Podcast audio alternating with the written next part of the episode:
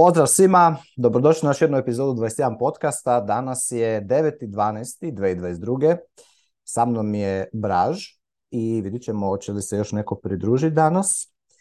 Imamo neke vijesti koje su više orijentirane tehničke prirode, a ovaj, ali mogu bi ja samo kratko samo započeti sa eh, kakva je cijena Bitcoina, to nas uvijek svih eh, realno zanima a, šta, je, šta je novo.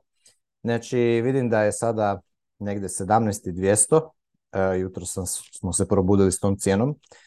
I a, e, što se tiče makro stanje, ono, e, približava nam se za par dana je takozvani FOMC meeting američkog Feda, gdje će vrlo izvjesno podignut kamatne stope Eh, za 0,5%, temeljne kamatne stope Federal Funds Rate i eh, što će biti prva eh, prvi put manje, manje nego što su podigli u 11. mjesecu, tako da Fed usporava zaoštravanje monetarne politike, inflacija će se polagano hladit i onda imamo u risk asetima vjerojatno ono, jedan period pampa, ali i dalje evo ponavljam da izgled e, generalne ekonomije i razine zaduženosti je takav da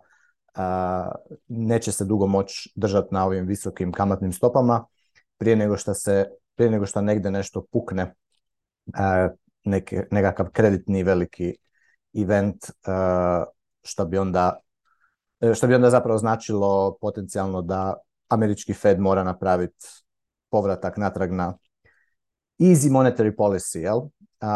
nas to sve skupa e, manje više ne tangira. Evo, baš neki dan smo na Safedinovom seminaru imali jednu raspravu o tome koliko je Bitcoin zapravo pod utjecajem, ajmo reći, makro stvari naspram toga koliko Bitcoin sam po sebi ima svoj nekakav ritam kako se e, monetizira i kako ta dinamika cijene zapravo raste i nekako e, definitivno makro događaje imaju utjecaj e, na, Bitcoin zato što Bitcoin, na primjer, kada je bio treći mjesec 2020. kada je bila proglašena pandemija pa su sva tržišta na svijetu su ono naglo se urušila praktički. tako je i Bitcoin jer ljudi kada im, kada im je, kada su u strahu potreba im je likvidan cash dolar, jel, najčešće, e, onda bježe iz svega, pa tako i iz e, Bitcoina, a Bitcoin obično je najveć, onako, u, u portfolijima ljudi koji drže samo neku malu količinu Bitcoina, Bitcoin je jako e, malena komponenta, tako da je to nešto što možda najlakše i prvo, prvo se toga riješe a onda one, one veće komponente. Tako da e, Bitcoin definitivno ima, ono, na njega utječu makro, makro čimbenici, pogotovo danas kada je Bitcoin puno veći, ne znam koliko je sad, 400 e, milijardi dolara kapitalizacije i više. Ali bez obzira na sve to skupa, ipak izgleda da je glavna dinamika Bitcoina se zapravo, dinamika cijene Bitcoina se zapravo svodi na zakon ponude i potražnje, gdje mi vidimo na strani ponude da jednostavno svake četiri godine se nova, nova kreacija novih bitcoina se prepolavlja, jel? I bitcoin postaje sve rijeđi i rijeđi i fiksan, njegova ponuda je fiksna. A, znači, kod svih drugih stvari, to je opet, evo, ponavljam možda za neko koje je piše početnik i tako. Kod svih drugih stvari na svijetu, kada je potražnja za njima veća, onda proizvođači imaju način kako da uvećaju ponudu, jel, kao odgovor na tu potražnju. I onda novac se, znači za novac se koristi ono što ima najmanju e, što ima najmanji odgovor na povećanje e, potražnje sa povećanjem ponude.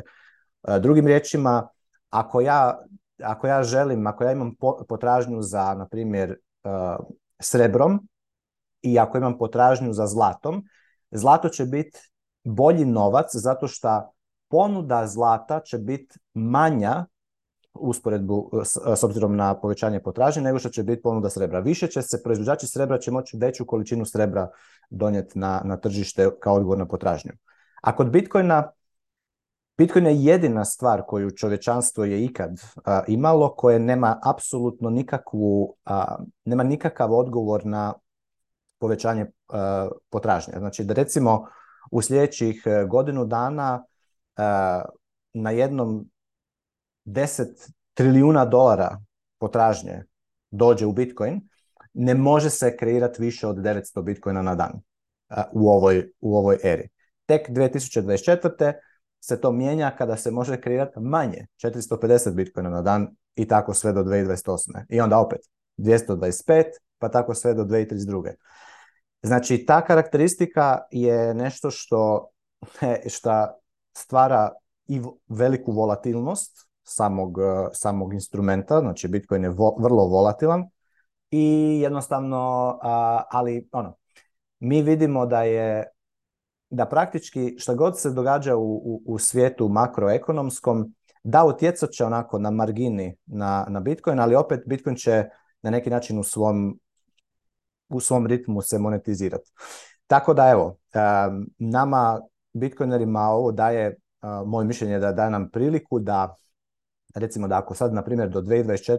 E, do halvinga imamo recimo godinu, godinu i pol dana vremena da ono, da se saberemo, da, da stekamo, da, da štedimo, ajmo reći da smo u nekakvom modu akumulacije, štednje, jel, optimiziranje potrošnje, povećanja e, naših prihoda.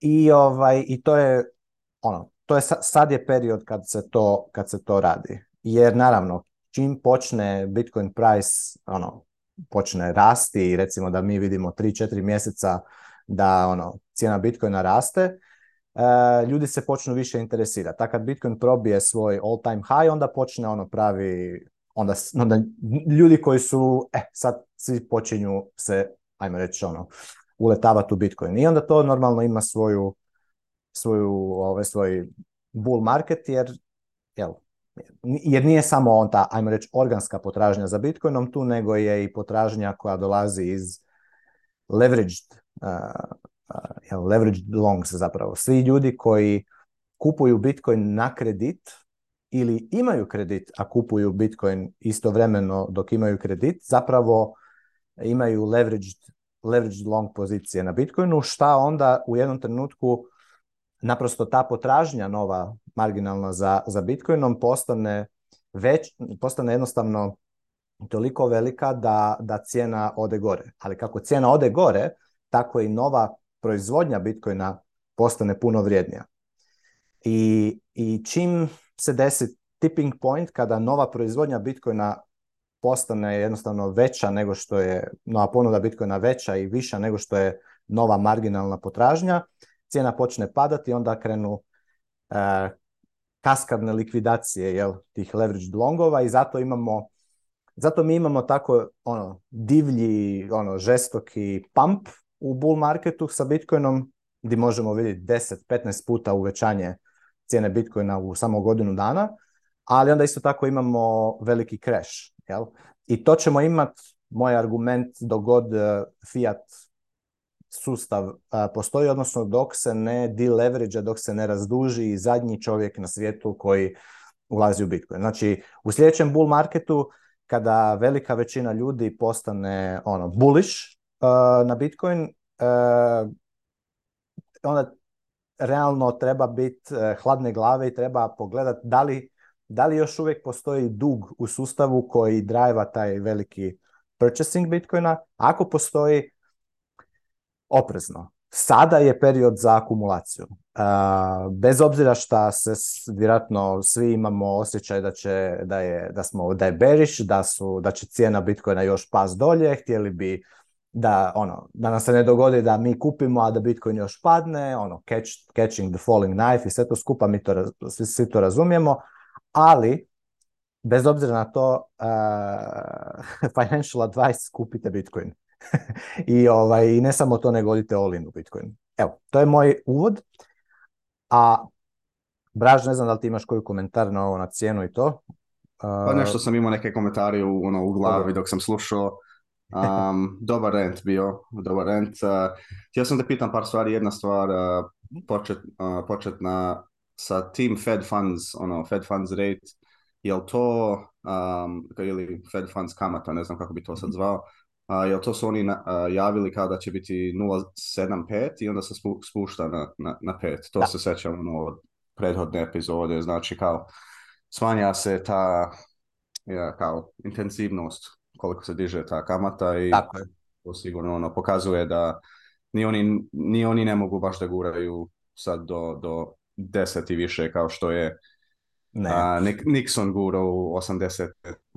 nema više toga. Mislim, taj, te državne dugove su prevelike da, da to može više sad da Da, i ne samo državni dugovi, nego i e, jednostavno su, marketi, su kredit sistemi, sve ono je vezano na, na, na Nekretnine su da. Recimo, evo, baš sam slušao jučer, eh, bio je na ovome The Bitcoin Layer, um, ovaj Nick Batija što ima onaj svoj...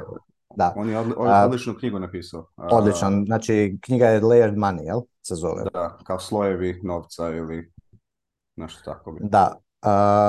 mislim, slušao sam, bio je na ovaj, bio je gost onaj jedan Kulen Roš se zove, Makro Masterclass. Uglavnom, komentirali su um, komentirali su tu cijelu uh, situaciju sa u makro svijetu i ovaj taj Kulen Roš je inače ono tradicionalni uh, financijaš koji kreira investicijski portfelj za sve koje za svoje klijente, uglavnom njegovi klijenti su uh, ono, ljudi koji su već, ajmo reći, zaradili svoj novac i koji nekako pokušavaju sada sačuvati vrijednost tog novca i više im je, bitnije im je ono, capital preservation nego sada da imaju velike, velike gainove. I, ovaj, I onda on recimo gleda, na primjer on sam, on kad, kad priča o Bitcoinu, on alocira takvim ljudima uglavnom ono, ispod pol posto Bitcoina u, u njihove portfelje i kaže da je Bitcoin u time, u time frame investicija za 100 godina.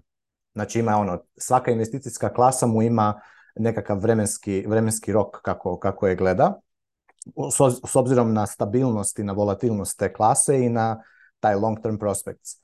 I ovaj, i, i šta sam htio reći samo, znači on je, on je govorio o, o, o tome što, što se događa sad trenutno u makro e, svijetu, pogotovo e, fokusirano na američku ekonomiju, jer ona je nekako praktički kao ne neka vrsta stupa uh, cijele svjetske ekonomije koja onda i nekako reagira, ono, kad bi rekli kao kad Amerika, ono, Amerika sneezes and, everyone coughs, and ono, tako nešto. I uglavnom, e, američko tržište nekretnina je, ajmo reći, praktički 25% američkog cijelog GDP-a, jel? A, I američko tržište nekretnina ima na sebi jako puno drugih industrija i financijskih uh, instrumenata, ajmo reći, vezano. I sad recimo situacija gdje na tržištu nekretnina se počne, kad se, kad se počne padat, padat e, potražnja za, za novim nekretninama i kada cijene nekretnina počnu padat i hladit se, to ima svoje reperkusije na, na jako, jako puno stvari i on je rekao da, da Fed e, Znači sad su trenutno, sad je trenutni federal fund rate 3,5-4%, ne znam točno sad to treba provjeriti prilike, ali to je puno, puno više nego što je bilo lani. Znači lani je bilo praktički nula, tako da su kamate na, na kredite, stambene kredite, e, su bile jako niske. Bilo su, mogo se za, ono, na 30 godina u Americi platiti, ne znam, 3% 4% kamate, možda čak i manje u, neki, u nekom slučaju, čisto zato što banke su imale prostora da daju tako niske kamate na kredite, jer njihova, cijena njihovog zaduživanja je bila puno niža. Sada kada je njima cijena zaduživanja ono, skoro, evo sad je trenutno 4%, a Fed bi htio da dođe do 5% recimo, onda normalno ne mogu oni po više po 2-3% dati kamate na 30-godišnje kredite, nego moraju staviti markup na, svoje, na te svoje kamate po kojima se oni zadužuju i onda recimo sad su ono, kamate na dugačke kredite 6-7%, možda i više, jel, zavisi, zavisi kakav je kreditni rating toga čovjeka koji diže kredit. Ali s obzirom na to pak, potražnja za kreditima je puno manja. I ta sad i kaže on da imamo jednu jako čudnu situaciju da s jedne strane imaš, još uvijek se puno stvari gradi, još uvijek ti imaš ono što se, šta je od tog praktički kreditnog buma velikog potaknutog e, izlazom kao iz pandemije i, i svim tim stimulus koji su, koji su ovaj, koja je američka fiskalna politika dala na tržište, to je jako povećalo još potražnju za nekretninama, ali koja je udarila na uh, bottleneck u ponudi, zato što su, zato što su bili lockdowni. Znači, falilo je svega na, na tržištu i ljudi nisu mogli dovršiti one, one projekte nekretninske koje su započeli. A općenito projekt, nekretninski projekt treba vremena da se, da se trebaš, ne možeš sagraditi kuću u, u jedno popodne, treba ti makar par mjeseci, najčešće, možda i više.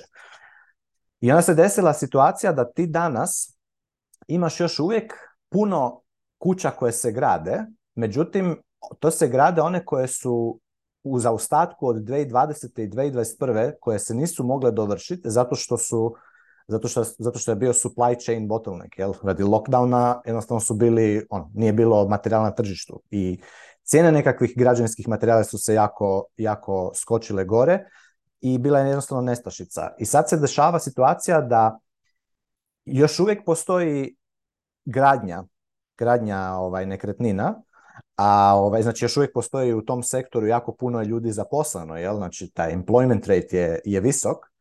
I ovaj, ali već sad se je potražnja za gradnjom novih nekretnina praktički ono zaustavila se. Ti niko više ne gradi nove nekretnine. I sad praktički će se desiti to da u sljedećih recimo šest mjeseci, godinu dana, godinu i pol dana, ajmo reći u tom nekakvom rangu, ajmo reći godinu dana, E, cijene nekretnina e, će padat i, i nezaposlenost će rast, zato što ljudi koji su svi ti radnici u, u, u građevini, u nekretninskim sektorima jednostavno nemaju više šta graditi, jer su jer ljudi potražnja za novim nekretninama je pala, a jer, zato što su krediti tako skupi i i to onda ima reperkusije na cijeli, na cijeli e, financijski sustav, kao što je i 2008.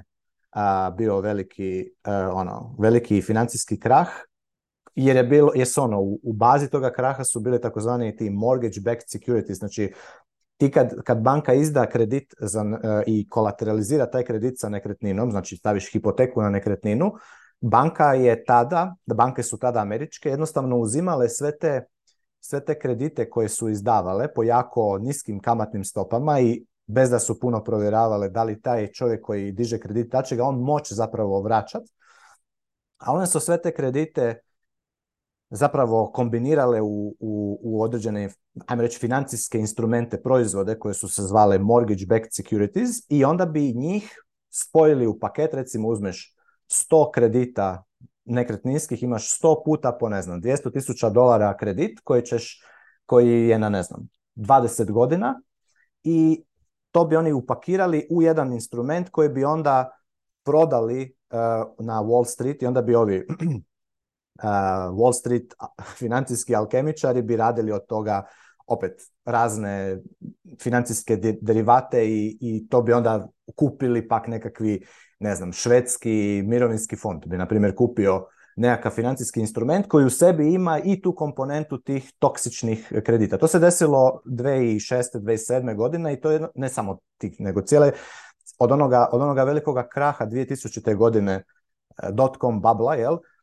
je odgovor američki bio ono praktički easing, more easing, more printing, ono, daj, više se zadužujte pa ćemo ono, se, tako ćemo se spasiti iz ekonomije. I to je dovelo do, do, do tog crazy ponašanja koje se, koje se ovaj, manifestiralo u velikom krahu, velikom, velikoj, financijski krizi, velikoj financijski krizi 2008. godine. Danas je situacija još puno, puno ozbiljnija od toga, zato što danas e, ne, samo da su, ne samo da je nekretninski sektor američki zadužen, nego je sve zaduženo. I nekretninski sektor, i autoindustrija, i korporacije, i kućanstva, i države, sovereign, jel? Sovereign, svi su up to their eyeballs in debt i, i ono što se može dogoditi u narednih 12 eh, mjeseci ili godinu i pol dana je da jednostavno a, se dogodi nekakav veliki, ono, jer ti nikad ne znaš šta će točno, šta točno trigera taj, eh, taj veliki krah. Eh, jer mi ne znamo kao što nismo znali šta će se sa FTX. Mislim, velika većina ljudi do momenta kada je kada je ovaj uh, eh, CZ ono, napravio cold bluff, kada je CZ rekao da će on prodat svoje FTT tokene ono, na open marketu, pol, milijarde dolara, niko praktički, mislim, neki, bilo je jako malo ljudi koji su nešto ono, namirisali da tu neko nešto kuha, ali realno, ono, cijela industrija je još uvijek, niko ni, to je svih nas iznenadilo. A to je jedan mali, zapravo u kontekstu ovoga u čemu ja pričam, je to jedan jako mali e, ono aspekt. Ovdje mi pričamo o, o, o nečemu što jel, ima implikacije na opet, na cijeli svijet, na cijelo financijsko e, tržište. Tako da situacija je sad trenutno ono, shaky, u kratkom roku se može dogoditi da jednostavno, evo, tržišta, risk aseti jednostavno kažu inflacija pada, pa ajmo mi e, ono, prodavat ča, idemo se rješavati dolara, jer čim inflacija pada, znači da će dolar e, e, e, slabit, odnosno sad možemo ići više u, u, u risk, više u risk I ovaj, ali tržište se isto tako može na neki način i, i, i outlevelat i samo sebe, zato što i dalje su kamatne stope vrlo visoke. Znači, to ne su, ovo je najbrža i najveća stopa uvećanja kamatnih stopa koji je Fed napravio ikad. Znači ono što je Paul Walker napravio u 70. godinama da zaustavi inflaciju je, je bilo u odnosu na ono što je situacija danas puno manje ispored. Tada je bila inflacija duga, ona je bila ono 10 godina se inflacija ono kuhala i inflacija je bila već inflacija. Gledaj, znači isto, isto tu treba uzeti u obzir ono što Michael Saylor govori. Inflacija, ono što mi kažemo, inflacija je 8%. Ali šta znači inflacija je 8%? Inflacija, ne možeš ti mjeriti inflaciju skalarom, brojkom, nego ti možeš, inflacija je vektor. I to je ono što je inovacija, ajmo reći ekonomska inovacija koju je Michael Saylor donio u, u, u cijeli ovaj space, bolje nego bilo koji ono, bozo, fiat ekonomist, jer ideja da ti zapravo imaš jednu stopu inflacije za sve je bullshit ideja. I to kad, kada, kada banke kreiraju novi novac, eh, to se reflektira različito na različite eh, stvari. Znači, recimo jedna cijena nekretnine u vremenu će imati drugačiju reakciju na uvećanje monetarne baze nego što će imati cijena eh, jednog megabajta hard diska na, na, na laptopima ili cijena, ne znam, šećera. Znači, svaka, svaka od tih cijena šećera, cijena jednog megabajta na hard disku i cijena nekakve nekretnine e, u na nekom mjestu će imati različite stope inflacije. Znači, jedan će, recimo, nekretnina će rast 15% e, godišnje ako je pozicionirana, ne znam, u nekakvom velikom gradu koji je atraktivan za, za, za, za štednju u nekretninama. A ako je u nekakvom, ne znam što bi rekli, nekoj ono zabiti, onda će, ne, možda će rast 1-2%, a možda će biti e, i, i u deflaciji. Jedan megabajt, e, jedan megabajt e, diska će usprkos inflaciji, usprkos tome šta, šta monetarna baza raste, će padat u cijeni. On će biti u deflaciji. Znači mi danas kad ti gledaš iPhone 14 koji je sada novi, ono, to, to je puno, puno jači mobitel e, i puno ima veći capability, znači efektivno je on jeftiniji za istu, ajmo reći, kvalitetu, isti, isti e, performance nego što je bio prije 10 godina. Neusporedivo više kvalitetni, Iako se u zadnjih 10 godina monetarna baza uvećavala. Ili ne znam, šećer ili tako nekakve stvari, svaki ima svoju stopu inflacije. Tako da kad mi gledamo ono i cijelu te tu priču uh, tih tih mainstream uh, fiatera, fiat, fiat brainova je ovaj, sa nekakvom jednom stopom inflacije koju kao američka centralna banka targetira da budemo, ajmo reći, 2-3% inflacije, što to znači? To ništa ne znači. Znači svakom od nas zapravo inflacija znači samo ono, to, to znači nam prema onome što želimo kupiti. Ako ja želim kupiti kuću, jel, na određenom mjestu, ja moram gledati koliko kuća, koliko je tržište, kakva je bila dinamika cijene te, te kuće, odnosno kuća na tom mjestu, na tom tržištu gdje, ih ja, gdje ja želim kupiti kuću. I to je ona stopa inflacije koja je meni relevantna.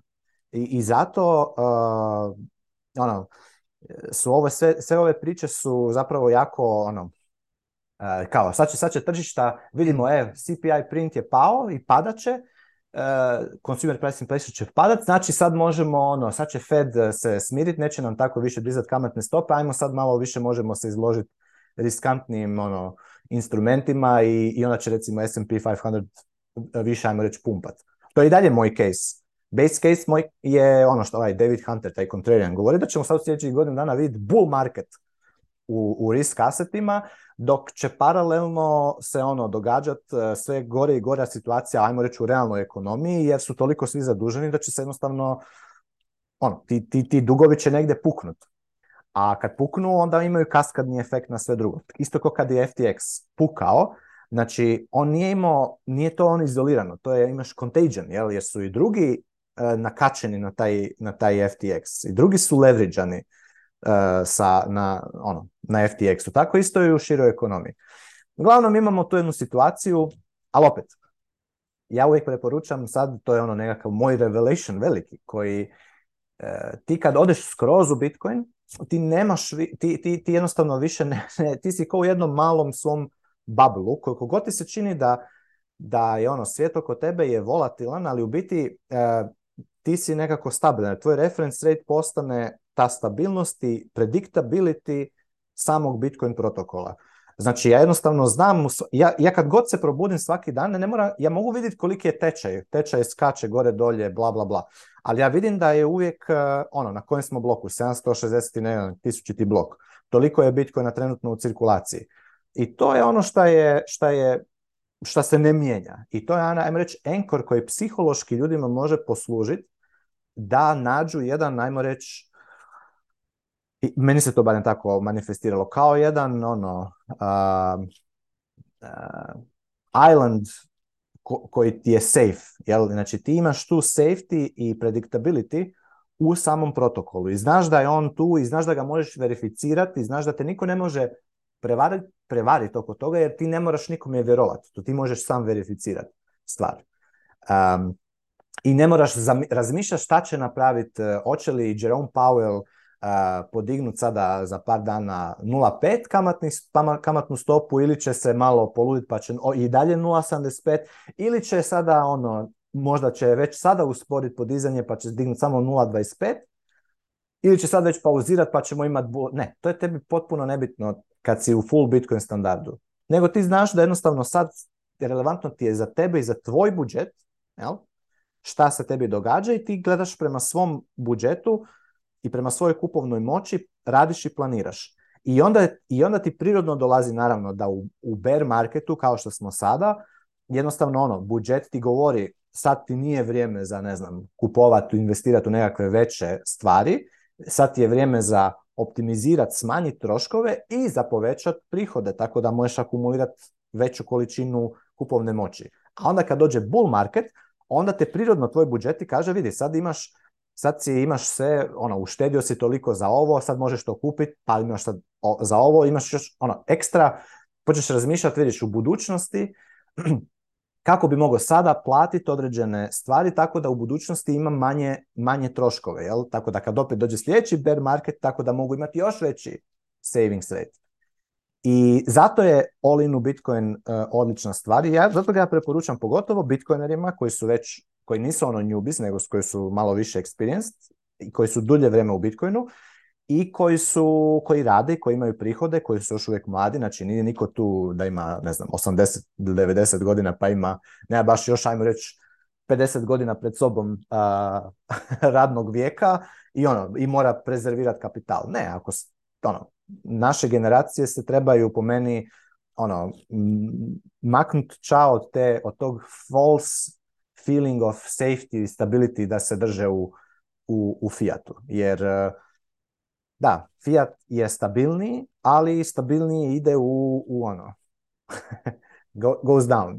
Stable, predictable loss of purchasing power. A Bitcoin je drugačiji. Bitcoin je nešto što treba naučiti handlat, ali ga treba naučiti handlat kao svoj novac. Znači, ne ono da, da, da pričamo o gluposti never sell my Bitcoin i takve gluposti. Nema, ne postoji, ne, može se da ti nikad ne prodaš svoj Bitcoin.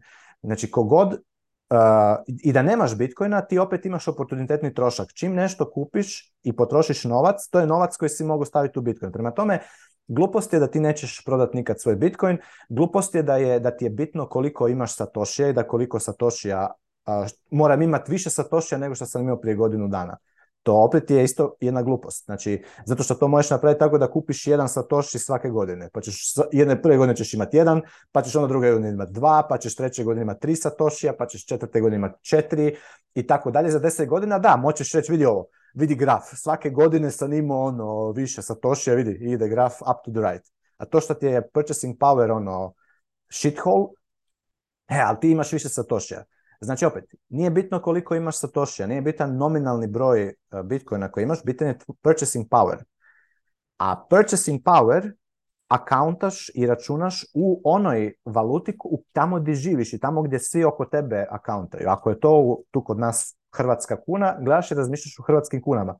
Ako je u eurima, u eurima. Ako je u dolarima, u dolarima. Ako je u britanskoj funti, u britanskoj funti. Neko ko živi u Švicarskoj neće razmišljati o u, indijskom rupiju. Niti u Bitcoinu. Znači, niti to ne treba tako e, pretjerano se forsirati da ti sad akauntaš stvari u Bitcoinu. Jer Bitcoin je volatilan. Ono, on, njegova kupovna moć može u jednom danu ići 10-20% gore dolje. Rekao ja znam da, ranije sad... sad je vreme ljudima da, da apsolutno malo urade, kako bi rekao, istraži, ono, istražiti uh, Bitcoin i, i kako se osjećaju oko toga, mislim da, da mislim, počni sa nekom, nekom sumom, nije bitno. I koristi ovo vrijeme dok je ono cijena ne, nije baš ono ne skače ludo, zato ono psihološko to je mnogo lakše da se, da se trpi sada nego kasnije kad cijena Eh, ajmo da prepostavimo da će ići gore. Um, da. Mislim, pričali smo malo u prošlom podcastu što mi mislimo da, to, što, što, što mi mislimo da je to tako. Uh, možete to da poslušate. A uh, mislim u ovoj situaciji sad, sad uradite, eh, istražite ono kako se osjećate, koliko možete da trpite, da tolerišete, da držite. Mislim, ponekad niko ne može, eh, neko ne može da sad odmah uđe ono 100%, nisu u situaciji. Sad je vreme da se pogleda kad, koliko, kako, kakav je osjećaj, mislim da se igrate sa, sa, sa novčanikama i takve stvari, neke preporuke, preporuke koje smo mi imali ili neko drugo imao ili neki uh, wallet ili node i takve stvari i onda to će vas staviti u mnogo bolju situaciju. Mislim, isto si pričao ono, kao ti makro investitori i, i mislilac i, i, takvi ljudi. Mislim, neki su, većinu tih jesu pričali o Bitcoinu i jesu sigurno i kupili neki procenat. mislim, dosta njih kao Lin, Lin Alden i ne znam je li taj koji je bio na, vaš, na, na Sefidinov taj seminaru, je on isto mali procenat Bitcoina kupio, mislim da jeste, sigurno na, na dosta dobru cenu ali nažalost je stvari da ljudi moraju neki procenat, mislim i, ima neke čartove na, na, na Twitteru mogu da nađu da se pogleda, ne znam, obični kao portfolio 99% gotovine cash, 1% bitcoin i onda jedan koji je bio, na primjer, 100%, ono, S&P ili nešto tako i uvijek onaj sa, sa bitcoinom, ipak ako je bio mali, mali procenat, je mnogo više ti vratio prihodimo um, što je zanimljivo, ali u ovom svetu, mislim u, Ka Kanadi se vidi, ti si pričao o, o, o ljudima, kad se te kamete dignu, oni ne mogu više, mislim, ta mjesečna, ne znam, kako bi rekao, suma koja se plaća za, za hipoteku, nekretnine, ili ono, dug koji ljudi uzmu da, da kupe kuću, u Kanadi taj mortgage, takozvani, to se, ono, mislim, par stotina dolara većinu ljudi, to se, ono, podiglo, ta cijena minimum, na običnu vrednost kuće zadnjih godinu i pol dana. Potpuno se zaostavila taj market tržište za nekretnine, ljudi se boje prodati, zato misle da, da cijena ono, e, ljudi neće da kupe, zato boje se da cijena će da se spusti dole a ovi koji skupili ili imaju neće da prodaju, zato misle da će ne da gore.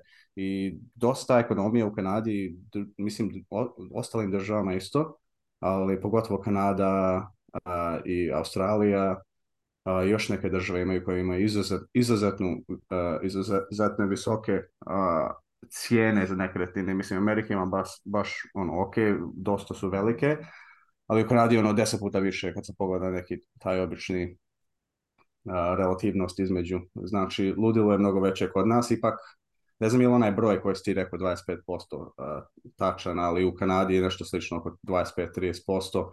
Kanadska ekonomija se vrti oko nekretnina i mislim ja. znam ljudi koji rade u građevinu, ja sam radio u tu industriji, znamo tog prone, oni su imali toliko posla, ali nisu imali dosta ili ljudi ili materijala, znači sve to je bio kao taj, ono, kako bih rekao, limiting factor. Um, izvini, nisam znao odmah taj prevod. Um, ali sad je situacija da ti veći investitori koji su imali novca sad čekaju da, da, da, uh, da ulože taj novac zbog uh, cijena tog kapitala. Znači, ono, tačno što si pričao, znači one te veće projekte koji su ono par stotina miliona ili milijarde, oni sad čekaju, zato cijena tih projekta je, je veća nego što je bilo ranije. Mislim, i inflacija, kao takozvana inflacija, zbog raznih razloga je udarila neke materijale, cijena, uh, znaš, ruku i takve stvari i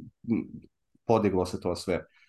Um, to tipično nije problem, ali sad mislim da te dugove, zato sto ono veliki dio tih uh, financijskih kompanija. Mislim, ima moj drug u Kanadi radi za, za kompaniju i, na primjer, oni imaju fond. Eh, eh, u tom fondu ima te more, kao neke mortgage instrumente iz njihove kompanije specifično. Znači, izgrađeno iz, iz tih dugova u njihovoj kompaniji. I oni zarađuju ono da kad to kupiš ima 10% ono yield, 10% ono prihod, ali to jeste dok nije. Um, Znači, taj prihod nikad ne dolazi sa, e, bez rizike. E, I u ovoj situaciji možda, ne znam, nisam ga pitao ovih dana kakva je cijena, ali sigurno je ono, e, ima neki efekat od ovih kamatnih stopa na tom tržištu 100%. Mislim, pričali smo o ovom ranije, ali žao mi je da ljudi moraju da ovako misle, mislim, moraš bukvalno postati ono makro mislilac, financijski investitor, ono da, da, da, da, da štediš pare u ovom svetu ili u neke nekretnine da uložiš ako i puno ljudi nemaju novca da to uradi u Kanadi da bez pomoća ili neke, nekog posla koji izrađuje neke velike ono six figures i više eh, nećeš ono uspeti da, da, da, kupiš nešto tako i jednostavno si eh, na lošem u lošoj poziciji e, kad se to desi, zato ne možeš ti da sačuvaš tvoju tu uh, taj onaj purchasing power što kaže Pavel. Mhm. ne znam, e, sad probam da, da, zamislim koja bi to bio ono um, preved za, za, za, za kupovna moć. Kupovna moć da, da, da, da je ono sačuvaš. Um, I isto si pričao ono, o Bitcoinu i mislim da ekonomska terminologija zato je ono ine, ine, inelastična uh, ponuda, elastic supply, uh, to nikad nije postojalo ništa na svijetu koji tako funkcioniše, da nema veze na, na potražnju, ali prihod se nikad ono um, ne mijenja koliko se, se ono pravi tog proizvoda, što je, što je baš zanimljivo što isto omogućava da, da, da Bitcoin postane ono e, potencijalno ili jeste na ono, najmoćnija e, instrument za, za, za šteđenje za, za običnog čovjeka. Um, I nismo ni počeli s vijestima, ali sam ja samo neke komentare tu htio dodati na, na Vrant, ono, neke stvari koje smo ušli, u glavu dok si ti pričao. Um, da, mislim, ja sam isto reći, ono, ranije mogao si ona mali novčić, ono, zlati novčić, ali ipak i to lako štediš, staviš u džep, dobro, ali ipak ima neke probleme sa tim isto. To je fizičko, neko može da te uzme, ti moraš da verificiraš da je to u stvari zlato. mislim, i to može, ono, nismo, nisu ljudi glupi, ali ipak mogu da se prevare. Znači, ipak je Bitcoin jeste ono hiljada puta lakši, ono, promijeniti. A i taj novčić ono... platit, nešto tipa kako ćeš s tim novčićem naručiti e, ne znam nešto ti... Amazona da ti dođe na Kako ćeš platiti Amazonu s tim novčićem? Ja mislim da to bila godišnja plata jedan taj. A mi ne godišnja nego oko nedjelju plate ili nešto tako za ono dobro, ne, neko koji ima dobar posao. Znači to nije bio baš ono sitniš. to ti je bio kao Bitcoin ono stari. Da, da, da. Da. Ali dobro, zlato je, bit će nam, ovaj, bit će nam dobar materijal. Gledao sam baš ovaj Steve Barburi imao, to je prošle godine snimio kako je uzeo a znaš one, imaš one silver coins, ono što ljudi kupuju za, kao za, za, za štenju, ovi gold bagovi, silver bagovi. I onda je uzeo, uzeo je čekić i stavio ga na onaj anvil, na onaj. I, i fino ga je ovaj, ono, izmlatio da. da, da izravna makne čao na ono, onaj queen, eh, ono, znaš ono kako ima onaj te silver coinovi, pa imaju svoj, imaju nekog kralja ili nešto, prezidenta na sebi.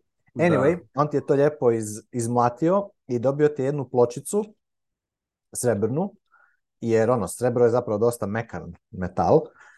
I onda je uzo i na njega je istempao uh, svoj sid sa onim, ima, znaš ono, svaki onaj jedan je kao jedno slovo i onda samo to tup, slovo, slovo i ovako je 12 riječi je iz tempa i onda kao evo vam srebrni e, ono, kao da, Mislim da se to i još je rekao da, da srebro ima neke karakteristike koje su baš dobre za, za, za tu aplikaciju, mislim ne znam je Da, rekao da je zlato bi bilo još bolje, jer kao srebro može zlato ono mnogo bolje. oksidira, jel?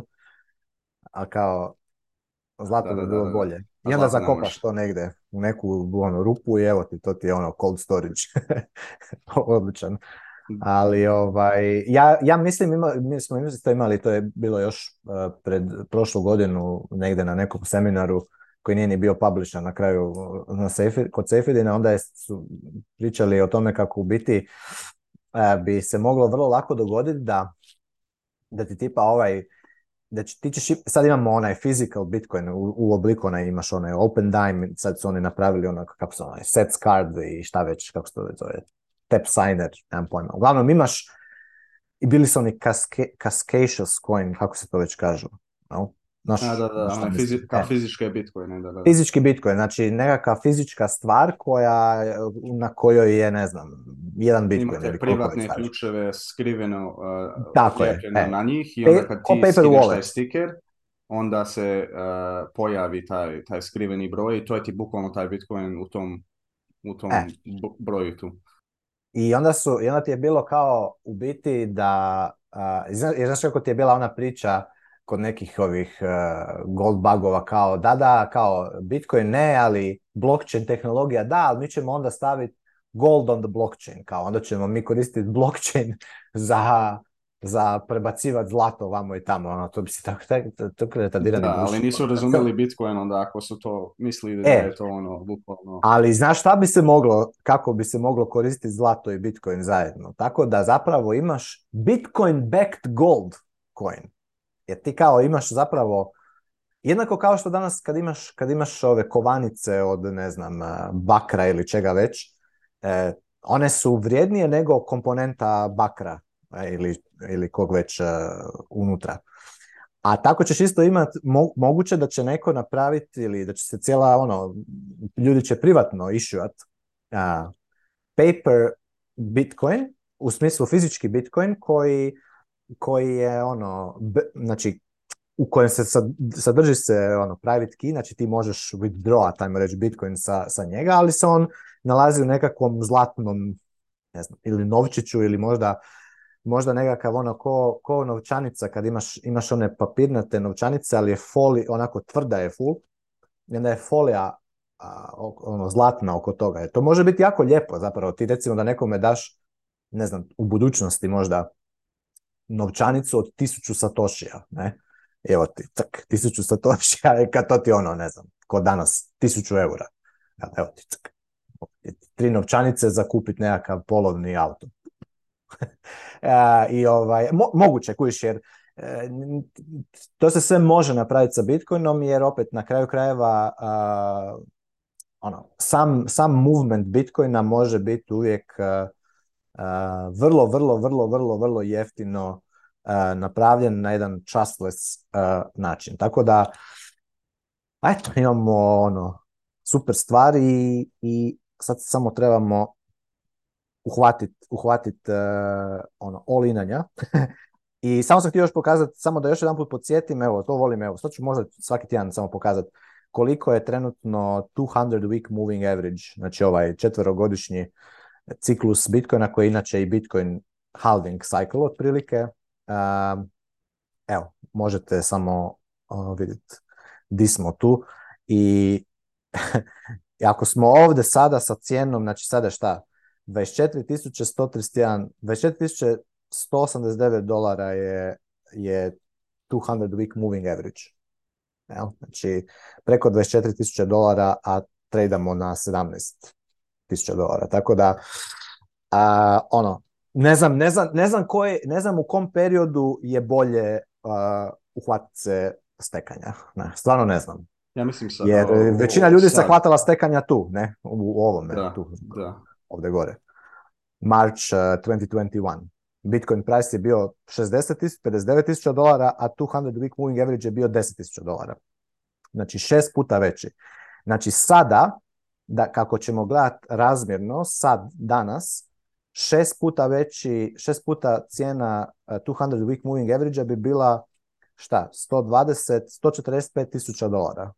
Znači da je sad, da je sad Bitcoin price 145 tisuća dolara, e, ja garantiram ono da bi ono ljudi išli apeshit i onda bi ono, ne bi samo dolar cost average, nego ono smash buy i smash e, leverage long i prodaj bubreg i na krediti da kupim more Bitcoin. Ne, sad odi A ovdje spendaj. Kad vidiš, kad vidiš, ako vidimo za šest mjeseci e, Bitcoin na, ne znam, 150 tisuća dolara, što je nije nemoguće, sve se može dogoditi, ono, s obzirom na crazy situaciju volatilnu u cijelom makrosvijetu, E, ne, onda nije, nije sigurno vrijeme, evo ponavljam, nije vrijeme za, za, za uletavat ko, ko majmun u, Bitcoin, zato što, si, zato što imaš e, FOMO. Nego, ako išta, ako si već uletio u Bitcoin, onda makar malo se ono, take, off the, take chips off the table, zato što si u banani. Jer e, ekipa je zadužena do grla i ne može Bitcoin ići to the moon na ovaj način. Samo još jednu stvar da kažem. Znači da sad Bitcoin ode na 135 tisuća dolara, da samo da izračunamo još jednu stvar. 145 tisuća dolara puta 900 bitcoina na dan, mi bi morali imat 130 milijuna dolara potražnje, svaki dan nove potražnje za bitcoinom, znači 130 milijuna dolara bi moralo svaki dan ući novog demanda u bitcoin. By the way, to ti ono... to ti je samo je šta, izlazi iz, iz, od rudnika, tako? Samo šta, samo šta izlazi iz, iz, rudara. I, to, nije znači, ono, to, to nije u toj um, formuli uh, ono obična uh, prodaja, znači ljudi na, na tržištu koji prodaju. Znači taj broj je u stvari mnogo, mnogo veći. Um, tako je. Ali ovo je novi, novi marginalni supply koji dolazi na market koji mora biti apsorbiran sa novim, barem tolikim demandom da cijena ostane ista. Da, ja da. samo želim reći, Michael Saylor je u 2020. Eh, uh, stavio 250 milijuna dolara su oni imali, tako onaj prvi buy, to im je bilo, to im je bio njihov treasury u, u je li 250 ili 500 milijuna dolara? Pa nešto tako, 200... da. Tako nešto. Uglavnom, radi se možda o 2 do 3, 2 do 4 puta više znači, to, to bi praktički značilo da, treba bi... hiljadu za... Ne, ne hiljadu, nego trebalo bi svaka, svaki, ajmo reći, ajmo, ajmo uzeti ono best case scenario. Svaki tjedan bi ti morao doći jedan novi MicroStrategy sa takvim iznosom i, ta, pa, pazi, MicroStrategy je kompanija od 2000 ljudi. Nije to, ono, nije to neki burekđinica sa, sa dva zaposlena. To je, ono, veliki, velika, velika korporacija. Svaki tjedan bi morala doći jedna da bi mi mogli držati sada 145.000 dolara price. A, e, ali zašto, zašto, zašto halving toliko utječe na price? Zato što na halvingu to se prepolovi. Jel? Znači, taj demand novi koji treba ući je odjedno mora biti polu od onoga što je sad. Zato se na halvingu cijena tek može početi rast. I, I, to je super baš bila rasprava, samo da evo s time pa ću završiti ovaj rent cijeli. Znači, probajte zamisliti 2010 kada je onaj Laslo Hanjec kupio dvije pice za 10.000 bitcoina. Recimo da su te dvije pice bile 30 dolara. Znači, jedan bitcoin je bio 3 centa. A, sad probajte zamisliti da se, da na primjer Michael Saylor i Elon Musk i nemam pojma koji već drugi whale je kupio tada bitcoin i stavio, recimo da je Michael Saylor prasno 250 milijuna dolara u bitcoin 2010. godine. Okay? Znači, 2010. godine svaki dan se kreiralo na ehm, 50-50 bitcoina po bloku puta uh, ehm, 6 je tako na sat puta 24 sata, jel? 7200 bitcoina. I sad zamisli, zamisli recimo da je tad Michael Saylor potjerao price bitcoina ono, mislim bio je ono i Liquid, oni ono, mogu šta, god, ali da je potjerao taj price Bitcoina na ne znam, 10.000 dolara u 2010. godini, jedan Bitcoin. Znači svaki dan bi se moralo naći tada 72 milijuna dolara novoga, novog Michaela Saylora, novog Whale-a 2010. godine, da bi mogao sustainati taj price od 10.000 dolara 2010. godine. I mislim, u tome je stvar, jer mineri su toliko, ta, Bitcoin tada bio toliko inflationary da su da je novi supply hitao ono svaki dan je 72 milijuna dolara se izmajnalo. Da, da, je tada bila, da je tada bio price 10.000 dolara. Zato, zato je taj halving event toliko strašno uh, utjecajan. Mislim, to mi uvijek zaboravimo jer mi uvijek kažemo da, ali halving je price team, svi znaju da se Bitcoin halva svake, svake četiri godine. Ali nije, jedna stvar je znat da se nešto dogodi, da će se nešto dogoditi. A druga stvar je da ti actually ektaš na to znanje. Jer tržište tek kada aktualizira to svoje znanje u svoju akciju, znači da tržišta, jer ti moraš, pazi, ti moraš holdat Bitcoin. I, kad, još, i samo da još moram uvijek. A dobro, ovo je edukativno, evo, jednostavno ljudi neka nauče, to su ekonomski principi u Bitcoinu.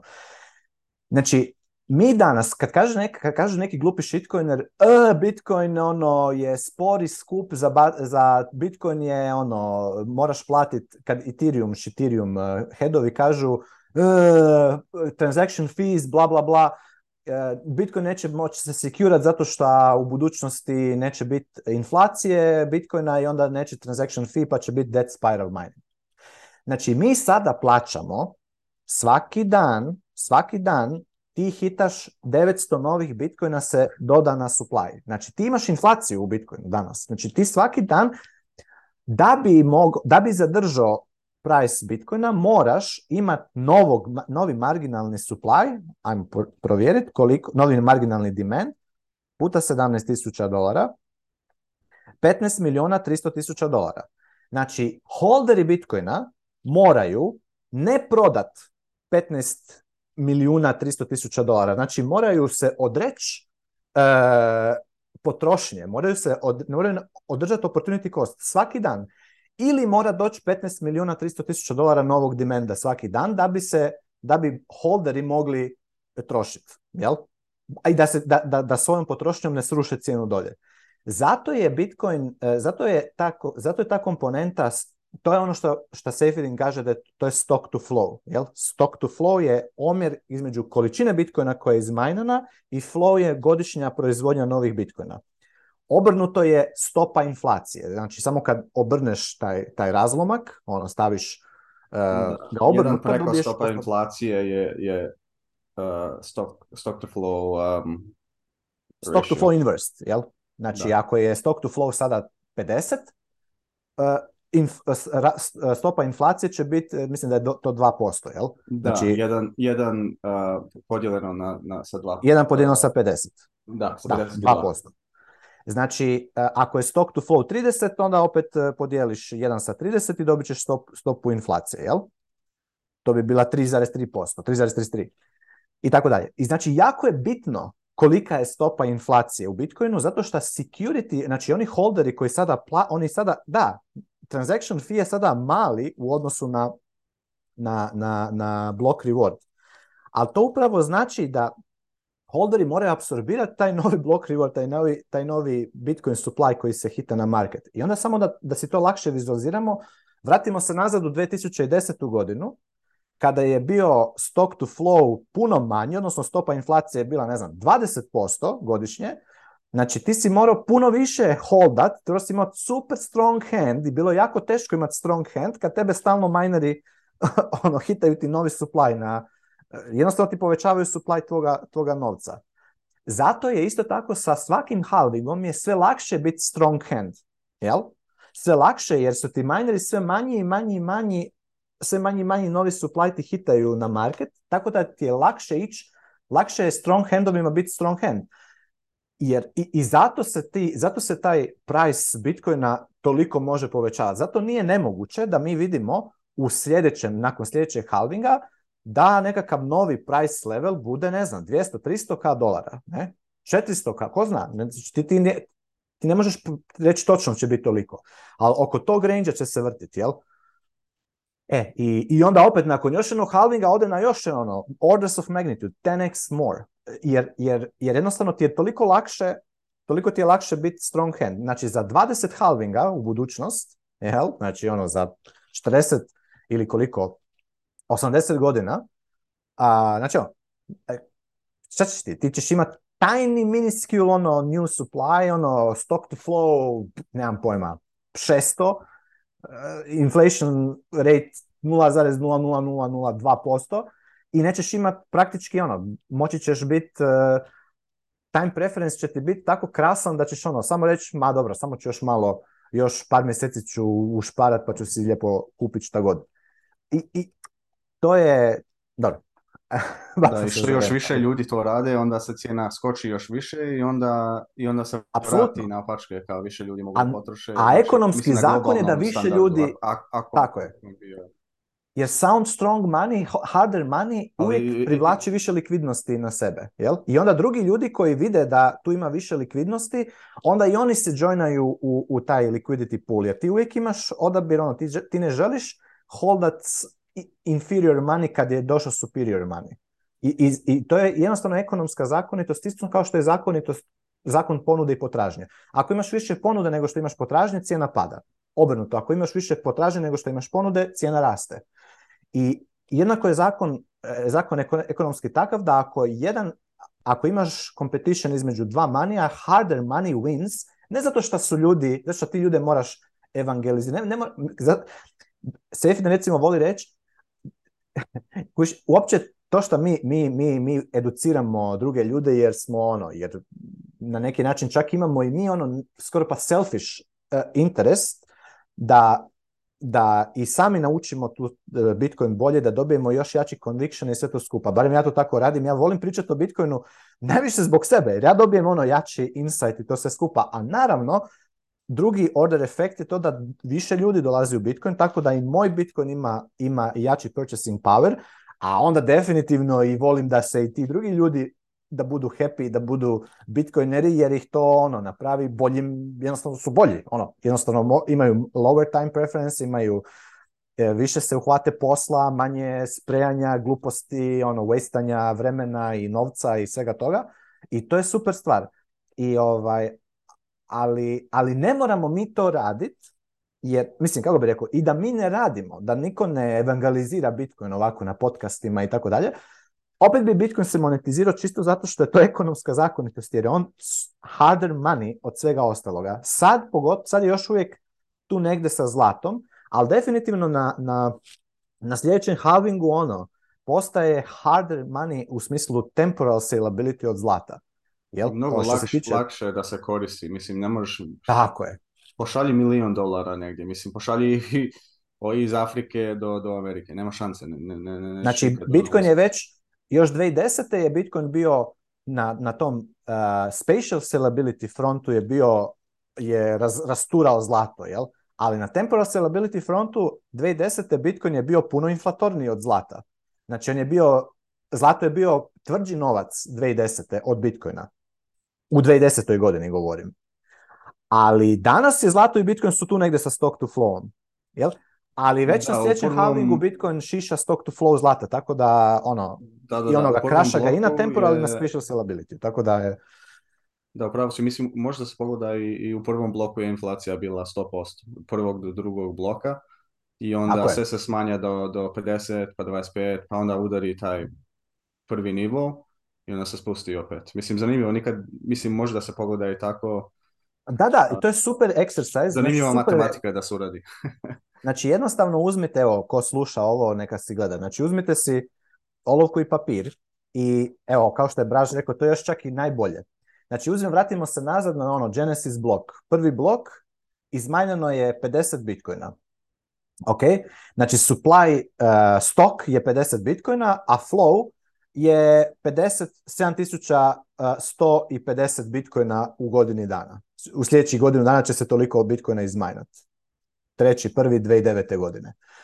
I onda gledajte, i onda računajte koliki je stock to flow prvi dan, koliki je stock to flow za tjedan dana i koliki je stock to flow nakon šest mjeseci. Evo, to je onako neka domaća zadaća. može to sa, sa kemijskom i olovkom. I, I probajte pluginat neke brojke, tipa šta bi bilo da je u prvih godinu dana, da recimo za šest mjeseci Bitcoin, ono, da je došao, ne, evo, Michael Saylor je tad, recimo, ono, prokljuvio je Bitcoin i ono, išao je kupit e, uh, 250 milijuna Bitcoina, mislim, to bi ono, za koliko bi mu prodao, ko je bio tad već, samo je bilo ono, Halfini i Satoshi i još par e, ljudi je ono, držalo Bitcoin. Nije, I nije vredilo ništa dok, dok, nije niš. nije kupio, dok ona nije kupio pice. Bukvalno Bitcoin nije imao neku ono, ozbiljnu cijenu. Da, ono. ali koliki je bio supply ukupni Bitcoina? Bilo je možda 3000 Bitcoina u supplyu. I sad recimo 3000 bitcoina drže Halfini i ne znam e, ovaj e, Satoshi i još neko pa treći i sad dođe Michael Saylor i kaže dečki evo vam 250 milijuna dolara dajte mi sve što imate. Oni bi mu rekli pa evo ti na, evo ti 3000 bitcoina za 250 milijuna dolara kad i ovako onako mi možemo majnat ono 7200 bitcoina uh, svaki dan. Odnosno da, on ne bi on bi jednostavno kupio kompjutere i ono tako, išao bi majnac. Jer je tad da, što je zanimljivo da je, da je Bitcoin vezan ono, stvari na, na, na, koliko ili energije ili ne znam uh, da. procesna moć se potroši na, na... Evo, u prvih šest mjeseci je supply Bitcoina bio milijun dvjesto tisuća Bitcoina. Evo, sad su da, da je nakon šest mjeseci 2009. u tamo u sedmom mjesecu da je došao Michael Saylor i da je htio kupiti e, ono 250 milijuna bitcoina, od svih njih oni bi mu prodali vjerojatno ovo sve za, za, ono, za to. Možda bi si ostavili par tisuća bitcoina. Kad kažem, opet, 7200 bitcoina bi svaki dan mogli izmajnati samo u 2009. godini. I onda još još u 2010. i 2011. i 2012. i onda halving. Jel? I onda tek e, ono, duplo manje, pa onda halving 2016. pa onda duplo manje, pa halving 2020. tu smo sad. Znači, early smo, to je point. Toliko smo early da, da, da ono, nemojte se plašiti. Znači, Bitcoin je tremendous thing. I nemojte mi se plašiti dok, volatilnosti. Embraceajte volatilnost. Nema da ne možete. All in. Budgeting, razdužite se i giving i odete all in u Bitcoin. Nemojte biti likovi iz bajke. Alo, o čemu pričamo? Vidi, vidi di smo. vidi di smo. Da, dobra cijena, 100%. Mislim, sad je vrijeme ako, ako, ako imate ono... Tako je, daj 1% posto interesovanje, onda e, ono, pogledajte malo više u to i taj osjećaj i naučite nešto. I sad je vrijeme, mislim, ne znam a, da li ćete moći baš all in. Mislim, ja nisam... Trebalo mi je mnogo vremena da, da krenem u tom pravcu. Uh, mislim, trebalo ono par do, ono, dotaka sa, sa Bitcoinom uh, da naučim i onda treba malo iskustva sa tim, ali da, krenuo bi da poslušam što šta priča čovjek i da malo istražite i da vidite šta tu ima. Dobro, ajmo mi na vijesti. 100, godina, da, ajmo, ajmo na vijesti, možemo ono pričati. Šta smo dobili ovako. Ajde vidimo šta se dešava tu s vijestima. Ajmo, ima, aj baci na ovaj konferenciju u Berlinu. Um, konferenciju u Berlinu, da vidimo gdje je to, šta je to. O, tu, ne? Je li ovo prva Lightning konferencija? A to ti je druga beleška. Aha. Mislim, spita za email adresu, dobro. Dobro, point je da imamo, šta, imamo u četvrtom mjesecu 2023. imamo Lightning konferenciju u Berlinu, neko je organizira. E, sad sam smislio ideju kad sam vidio ovu mm-hmm. email adresu. Sorry, ne znam, neki servis koji generišeš privatni ključ, kao isto kao u Bitcoinu, isto mm ključa generišeš e, mail adrese, nekako mora tu biti spojena mail server, to je problem ali bilo bi zanimljivo da, da, da sačuvaš neku privatnost i onda možeš da uradiš ono, ako izgubiš uh, ne znam, tu ložinku i, šifru, onda možeš da, da, da sa, sa, sa, sidom i onda dobijaš ono kao uh, kako bi rekao, access tim mailovima i onda ne moraš da koristiš jedan mail, jednu mail adresu. Mislim, znam go ima e, neki sličan servis, ali ne znam je to postoji. ali ipak, ajmo dalje. E, zato morao sam dati baš e-mail za, za ovu stranicu, ali ako neko može to da, napravi, bilo bi baš cool. ja sam se prijavio, nema nekakve dodatne informacije, mhm. eto je. Znači ti si našao stranicu, ja sam na neku drugu stranicu, Lightning, vidim koja je thelightningconference.com. Da, ne znam, ili, to je taj Lightning dvije. konferencija. A, dobro. Ovaj, ja, nažalost, point je da imamo, um... imamo nekoliko konferencija u 2023. godini koje će se ono odviti. E, znači, Bitcoin definitivno nije dead, da pače. More alive than ever. Nije, 100% nije dead, ne, ne, to nije ni ono e, da mini point koji ćemo pričati. mislim, pogledajte, jel, mi sedam osam blokova su pronađeni dok, dok, dok, dok je Ren. Uh, Pavao je se, mislim, non stop, radi non stop, to ti je... Da, da, TikTok next block, evo ga. da, samo pogledajte i možete novo da preverite uh, isto. Znači ima dvije konferencije ovdje, ova jedna je u Berlinu, Lightning konferencija, ova u Pragu je više ono Bitcoin i prvi sloj i sve ostalo. Um, možda ću moći ovaj, u Pragu ići. Mislim, zanimljivo je za naše ovdje u grupi na Balkanu, ovo su konferencije malo veće, malo više ozbiljnije. sigurno su cijene ovih karata malo niži nego što će biti kasnije. Znači, ako imate ono ako hoćete da, da idete na nekakvu ovakvu konferenciju, onda slobodno i, i recite u grupi i onda možda, znam na prošlu konferenciju su par nas smo išli, pa možete i sa drugima da se dogovorite oko što i ostalo. Um, I ove, ove, su dosta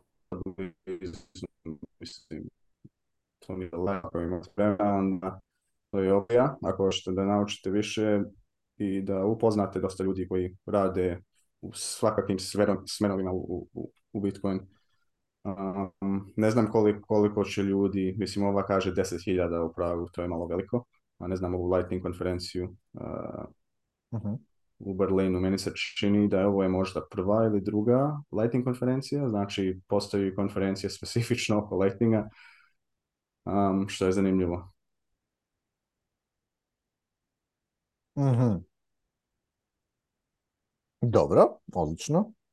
Imamo, završila se, uh, ova treća beleška, Bold Fun, znači pričali smo malo ranije na podcastu u ovom turniru eh, koji se zove Legends of Lightning 2022. uh Čini mi se da će možda sljedeće godine uraditi nešto slično.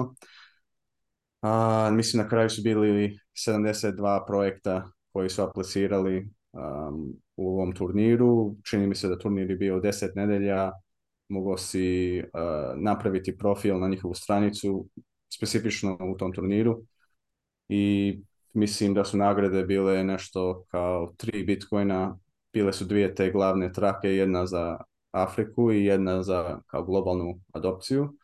Uh -huh. um, bilo jedno dva, 12 projekta u tom Af, za Afriku i ostale su bile tu globalnu adopciju i neke tu projekte su pobedili bile su nekoliko sudija koji su u industriji rade, dosta poznate i oni mhm. su nagradili neke kao procjene, mislim da je bilo 0 do 5 i bilo tu neke 7 kategorija i tu neke projekte su pobedili. Mislim, čisto pogleda, pogledajte, zanimljivo da se vidi šta se tu moglo izgraditi. Čini mi se da neke tu projekte su isto već gradili u, u Bitcoin prostoru, ali što je dobra stvar, ovo ih guralo da grade malo više ono otvoreno. Mislim, oni čisto grade otvoreno inače, ali da grade u o kontekstu ovog turnira, što je bilo zanimljivo i onda svi gledaju što ostali rade, šta prave, kako koriste, eh, mhm. koju tehnologiju, eh, kakav im je kod, um, kakve su im ideje i onda to čisto gura inovaciju i generiše ideje, spaja ljude, um, što je baš dobro. Mislim da neke projekte su bile kao već krenuli su da ih prave prije ovog turnira, ali to uh, kad su ono se prijavili oni su ono gradili na tim projektima otvoreno javno ljudima što je, što je baš dobro. Znači, pogledajte to, ima tu neka lista sigurno. Ali više, ovaj je baš super ovo što je pobjedio. Što su pobjedili, light set, Što izgleda kao da je...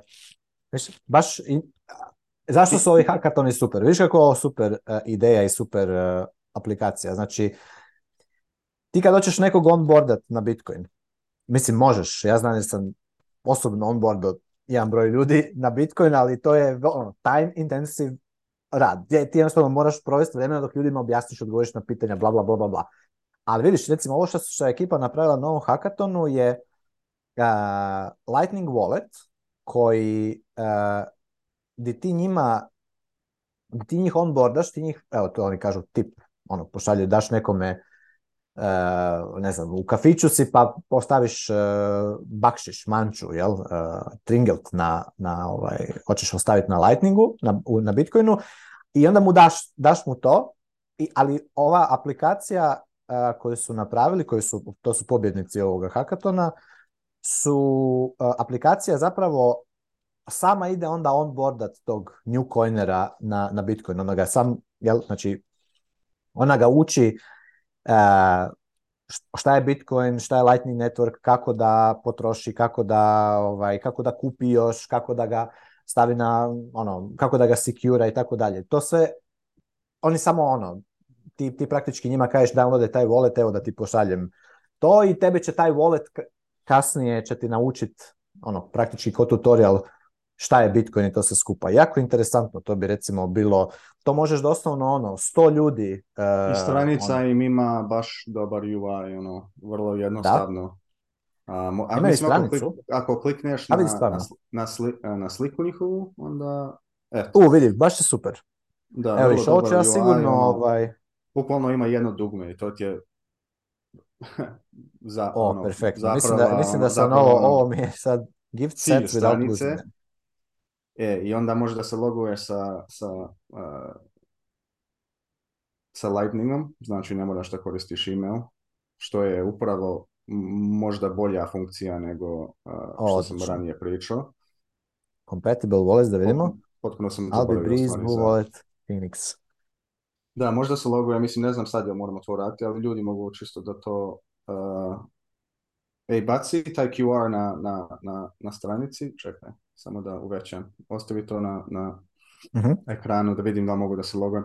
Ali Ajde. znači, vrlo jednostavno, ima jedno dugme, to se pritisne i čini mi se tu se ubaci neke satoshi i to može ljudi da, da, da pošalješ ljudima. Ne znam, da vidimo možda čisto Evo, imam opciju sad. Ohoho, evo ga. Znači, ja sam se bukvalno logovao za, Pavao kroz Lightning novčanik. Mislim, ima, ima različite novčanike koje mogu imati uh funkciju ugrađenu. Meni, meni je to ono, UI je mnogo bolji nego... A vidi, možeš postati light set stipper, vidiš? Imaš i achievements, imaš i leaderboard. Da. I Šta braš, ono, kreni? da, pa mislim 3 miliona, koliko je onaj broj pisao tu, oko 3 miliona Satoshija su ljudi ono, poslali sa ovom. Da, što što je dobro da se tu stavi na glavnu stranicu i to Naravno, zato Bitcoin neko potpuno... Ne, ne, jako su fino napravili stranica, ima jako lijepi, ovaj, vidiš, jako fino ne, flowa. Da, jednostavan, ne možeš da se izgubiš tu. Ono. Da, to, to, to, to tako treba biti. To je jako važno. Da, znači oni su pobedili. da vidim, jel to... Oni su u Afriku pobedili, uh, Africa Track.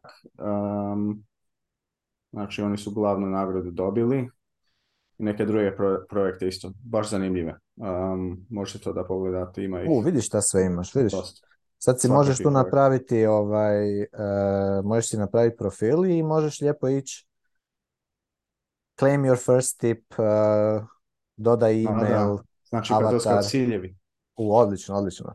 Mislim, eh, nevjerovatno je taj, ta, to, to koliko, koliko, koliko tih viralnih, ajmo reći, faktora se svak, praktički konstantno se dodaje ono na, na, na Bitcoin. Mislim, ovo, ovo, ovo, je pa ovo odlično, odlično. Uh, Za njubije. Na, na engleskom koji se zove gamification, čini mi se, ne znam kako bi to preveo, ali to ono bukvalno gurate da, da, nekako skupljaš ove ciljeva, a vidiš da su ono nekako spojeni na Bitcoin, znači ti si poslo o, e, danas ću ja, danas ću ja ovo ovdje downloadati, idem sad kad dođem u, u, Ovo je ovaj, odlična stvar. Tamo ćemo, tamo, evo, snimit ćemo, snimit ćemo na, ovaj, eh, u Zagrebu kad budemo imali meetup, tamo ćemo imat, eh, bit ćemo na onim kućicama tamo gdje onaj advent i to sve. I onda ćemo tipat, tipat ćemo ljude i to ćemo snimit stavit ćemo na, na kanal da vidimo kako će izgledat ono, on Jer ovo je super stvar koju ti ljudima samo, samo pošalješ ono, možeš im poslati malo, šta ono, 10.000 satoša pošalješ, ali da ali da onda oni mogu e, se, ono, kako bi rekao, da, da, da, znaš da znaš da će oni se sami moći nastaviti dalje, već da će ih, da će ih aplikacija gajdat kako da ovaj... Da, i ne, moraju da stave ono pravo ime tu, sam da znaju. jako piše, ono, e, dobijaš ona, achievement za, za, za ime. Ima tu spojeve sa raznim aplikacijama gdje možeš da trošiš Bitcoin um, ili da skupljaš e, Bitcoin isto. Um, što je baš zanimljivo. To tržište baš, baš raste. Odlično, pa ti koliko tih stvari već imaš. Da, znači taj turnir se završio, ima, valja će i sljedeće godine nešto organizovati, pa ako ima neke ljudi koji hoće da izgrade ovdje uh, neku aplikaciju, mislim ima neki momci već koji su krenuli sa tim e, u grupi, uh, mogli biti slobodno ono, aplicirati sljedeće godine, ima, ima šansa da ako je dobra ideja da možete nešto ono povediti. znači, to je baš, baš cool bilo. I čini mi se i, i, i, još funkcioniše njihova stranica. Znači njihova stranica uglavnom se koristi da mogu projekte da se e, otvoreno grade. to je neka, nekako kao, e, kako bi rekao, imenik eh, projekta u Lightningu. Uh, tu ima informacija, neka dodatna, sigurno njihove stranice i takve stvari. Znači, ako hoćete da znate što se gradi na Lightningu, onda idite na ono bolt.fan i možete više tu da vidite. Odlično. Znači, to je došlo iz Legends of Lightning turnira. Da. Odlično, odlično. Što još imamo? E, ja sam nešto gledao naše prethodne epizode i vidio sam da smo mi pričali o FTX-u ono nedeljama prije nego što je ta kriza e, bila i nisam ono baš poslušao, a vidio sam po ono e, titlama da da FTX je bio ono u vijestima i, i više i ranije, ali nekako dok se ovo ono, kriza nije se desila, nisi ono spojio jedan i dvoje ali vidjeli su da su oni ono kao kupovali Celsius i ne znam je bailout ovo ono, bilo je baš čudno.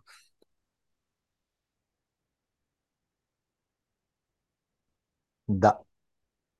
Pazi, imamo mi ovdje i onih par vijesti, što mislim vijesti, članka i nešto što nismo od prošloga, nismo jednostavno stigli, smo se tamo zapričali. I da, da, da, da. možda bi mogli nešto to, da pa ti vidi malo ajde šta bi... Pa vidio sam ono ranije Brazil nešto dozvolio korišćenje Bitcoina kao pla, uh, plaćena sredstva, ali meni kad sam pročitao taj članak, ono, kad država puno tu ono, izmišlja kako bi to trebalo da se koristi pravila oko toga i mislim u njihovom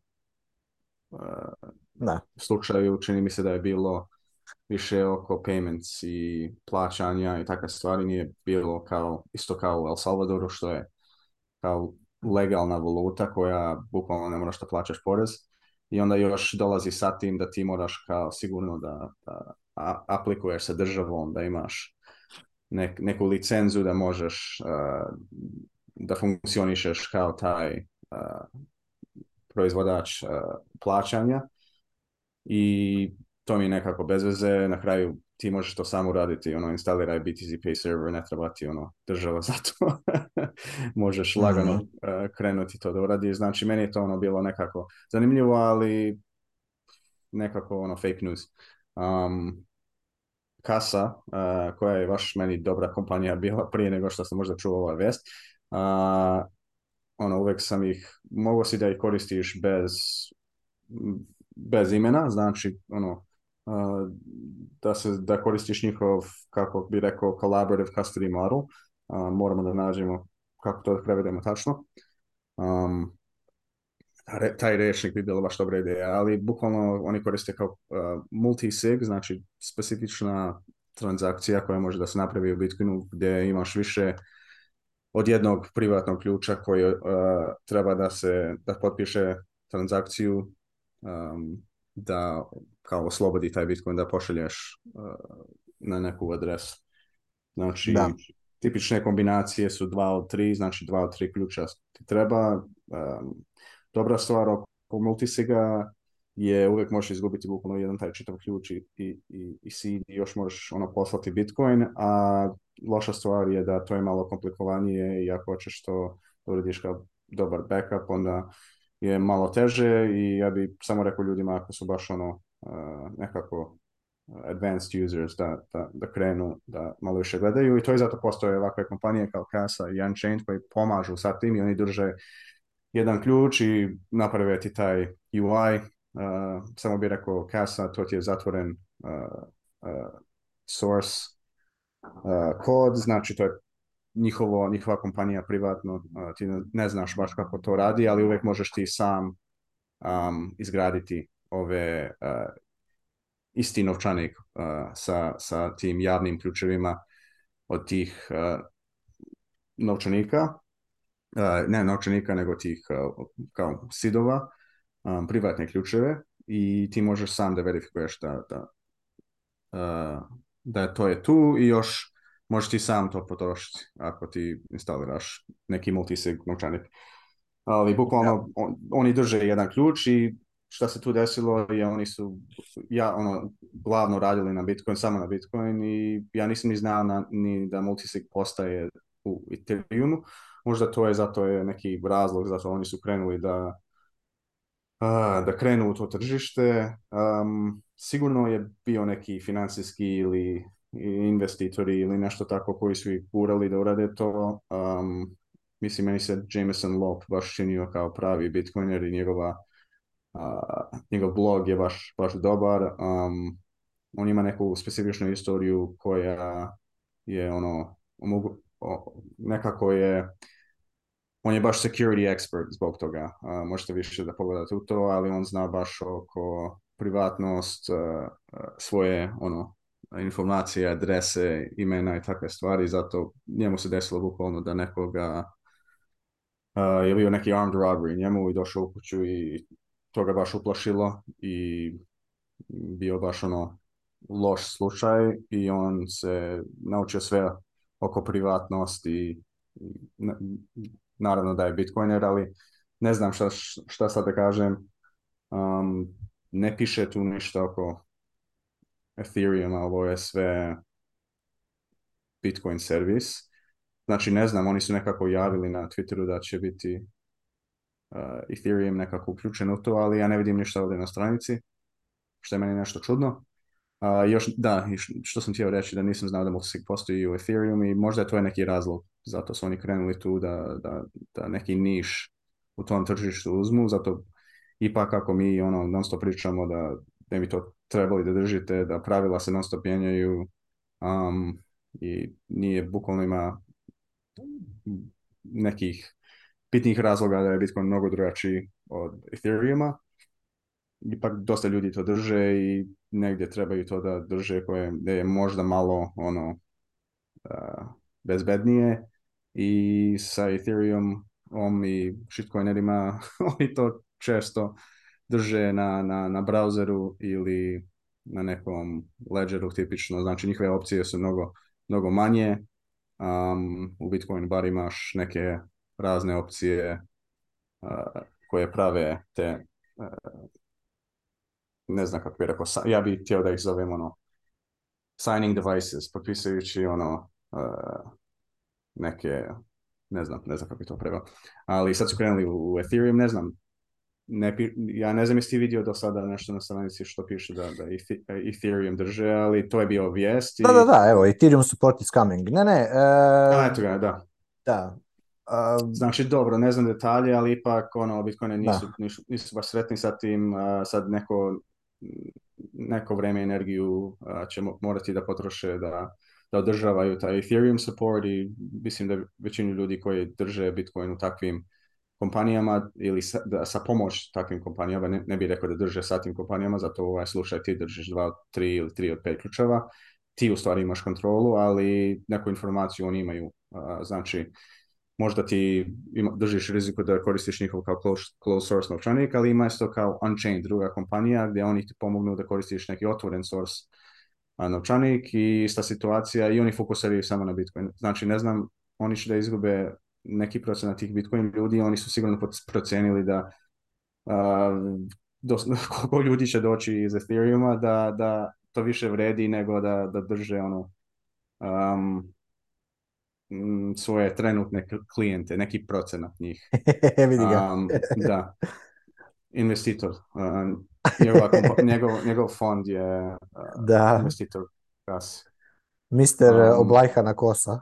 Ili su možda rekli, ej, ljudi koji koriste našu aplikaciju ono, nemaju veru da mogu to da... da Gle, da, ja mislim o urade, pa možda će oni neće moći da, da promijene znači mi bukvalno držimo ih kao neki hostages, ali to je na kraju uvek ti imaš ključe, znači nije vaš hostage situation, ali da. jebi ga, ima uvek ta druga kompanija Unchained koji bi preporučio, ja mislim da to može bilo kada koristi um, ako ne koristiš njihove, kako bi rekao, unchained loans, uh, znači dugove da uzmeš sa Bitcoin sa kolatera, uh, kao kolateral, onda ne moraš svoje ime i takve stvari. Čini mi se da ne moraš tako. Ali na kraju, ako hoćeš da, da, da se zajebavaš sa, sa multisigom, da probaš takve stvari, onda ja bih rekao sam nauči, ima neke volete koji pomažu sa tim, ja bih rekao um, Sparrow, Nunchuck, uh, Spectre, ima ih dosta naučenika koji su baš dobri, funkcionišu e, u taj način. Ili imaš opciju. Da, znaš ja mislim? mislim da će ti tu biti, e, znači ovo šta, glavni, glavni taj, ajmo reći ovako, znači kasa customeri su uglavnom, ajmo reći nekakav ono middle class e, ekipa koja se Orange pilala relativno rano, po mom mišljenju, i koja je, e, ajmo reći, imaju preveliki Bitcoin holding da bi boje se da, sami nešto ne zeznu, nisu ono informatičari, nisu programeri, nisu kriptografi i sve im je to malo... Većinu ono, ljudi, da. Da, a opet s druge strane nisu sad, nemaju toliki Uh, ono, nisu Michael Saylor level, jer Michael Saylor će recimo za MicroStrategy će staviti u kastodijana da, da mu to jednostavno drži Bitcoin i neće on sad sam smišljati kako će držati 130 tisuća Bitcoina, ono, nego će to sekurat s profesionalcima i platit će im da, da mu to naprave. ovi, ovaj servis kao što je kasa, je baš ono catera a, tom customeru koji, kojemu mora to biti onako slik i smooth i da mu da taj neki confident nekakav feeling da je sad E, tu je taj Jameson Lop, on je ono izgleda kao neki veliki cypherpunk, tamo ima neke puške, nemam pojma šta. Mislim, meni je taj lik malo uvijek bio uh, sketchy, ali anyway, dobro, nema veze, ono, whatever. Ali u biti to je sve e, u suštini e, ok s time da dobra stvar je da ono što će se desiti s vremenom i mislim da će se to dosta i brzo desiti je da će ti ovakav recimo ovakva slik lijepa aplikacija e, koja ti zapravo ono pomaže da menadžaš, da, da, da shvatiš da ti vizualiziraš šta zapravo radiš kad radiš multisig. Jer to je ono što je ključno kod bilo kojeg user interfejsa i kod bilo kojeg proizvoda je bitno na kraju da, da taj user da razumije on šta radi u biti tu. I to ono što često inženjeri, naravno oni normalno da ne, ne, ne razmišljaju toliko sa strane usera kako, kako stvar izgleda, nego uvijek gledaju sa strane tehnologije pa onda kako, lako će user će već skužit kako je. kad inženjer nešto zna, onda on često ne, ne voli ne voli se stavljati, ja se isto ne volim stavljati u, u poziciju totalnog nekog no coinera koji nema pojma o čemu kojiš. Meni ono, ne da mi se ponavljati ono basic stvari koje su mi već ono second nature. Ali actually tu se najveća vrijednost napravi kada, na, kada neka kompanija koja pruža uslugu, servis, proizvod, kad se može staviti u customer shoes. To je recimo zašto je, na primjer, Apple i Steve Jobs, zašto je on bio toliki ono, brutalni ono entrepreneur, zašto je on, zato što se on, ključno je bilo da se customer i customer experience user da se stavi na prvo mjesto, a onda da se tehnologija i inženjeri da se prilagodi useru, a ne da inženjeri diktiraju kako će, kako će stvari izgledati, ne, nego user mora, njemu mora biti i onda ćeš ti lijepo tehnologiju prilagoditi useru. I, i ja mislim da će se desiti to jedan veliki val sigurno do, do, do halvinga, pošto se puno ljudi odinčpilalo u ovom, u ovom ciklusu od, od halvinga 2020. u ovoj eri, se jako puno ljudi uh, onboardalo na bilo koji način. Mislim, samo kad gledaš u zadnje dve godine, ono eksplodirao je tih, broj tih uh, lightning aplikacija, Walleta, ovih svega. Svi su ljudi nekako, puno je ljudi dobilo ono first taste of Bitcoin, ono, makar nešto malo, ono, get of zeros. I oni će u sljedećem, u sljedećem u sljedećem ovome halvingu, kad budemo imali sljedeći taj veliki ono, order of magnitude eh, Bitcoin appreciation, masa njih će doći ono u, situaciju da sada hoće ono securat to, hoće vidjeti to. Tu će se puno, puno, puno ovakvih kasa like servisa vjerojatno i open source napraviti koji su već onako slik lijepo, user interface je odličan, ali da ti možeš, recimo... Da, privatni isto. privatni, u jer pazi, ono što kasa radi, zapravo je to je neko koje, vidiš, on call sa tobom, uh, da ti pokaže kako tapa taj multisignature i ako ti izgubiš jedan svoj key, da ti onda oni mogu otvoriti drugi key. A recimo, pazi sad ovo, to ono što meni, ja stalno razmišljam o tom, o tom dijelu da najpametnije je ovi ovdje, ova kasa, i evo to je ono free uh, advice za ovoga bozoa od, od, od Nika Cartera, Šmartera. Najpametnije bi bilo tim, tim, tim eh, venture capital eh, ekipi koja financira ove ovakve startupe kao što je Kasa, čak i kao što je ovaj, kako se zove, Umbrel, jel? Da mm, zapravo fokusiraju sve, sve svoje, sve svoje napore da da ih kupi Apple. Jel? To je po mom mišljenju ono što oni trebaju napraviti. Znači, Apple treba kupit kasu i treba kupit Umbrel, znači doslovno ono Acquihire i onda Apple treba tu napraviti to properly kako to za, Bog zapovjeda. I onda bi recimo Apple napravio hardware, neki u, u, hardware signing device kao što su napravili AirTag, i ti biš imao recimo u AirTagu... A može lako jedna u telefonu, jedna na tom... je. Imaš wallet, znači tvoj, tvoj mobile phone wallet ima jedan key i kupiš recimo, ne znam, package Neki mali uređaj, četiri... 50 ono, dolara, ali Apple, kao Apple će da, ono, 100 da naplate. Da. Naravno, naplatit će, ali to, ali to što ćeš ti platiti, ljudi su spremni platiti taj user experience koji, kojega, kojega ti Apple daje, koje ti Apple daje taj Jer Ti, pazi, ti ćeš moći jako dobro securat.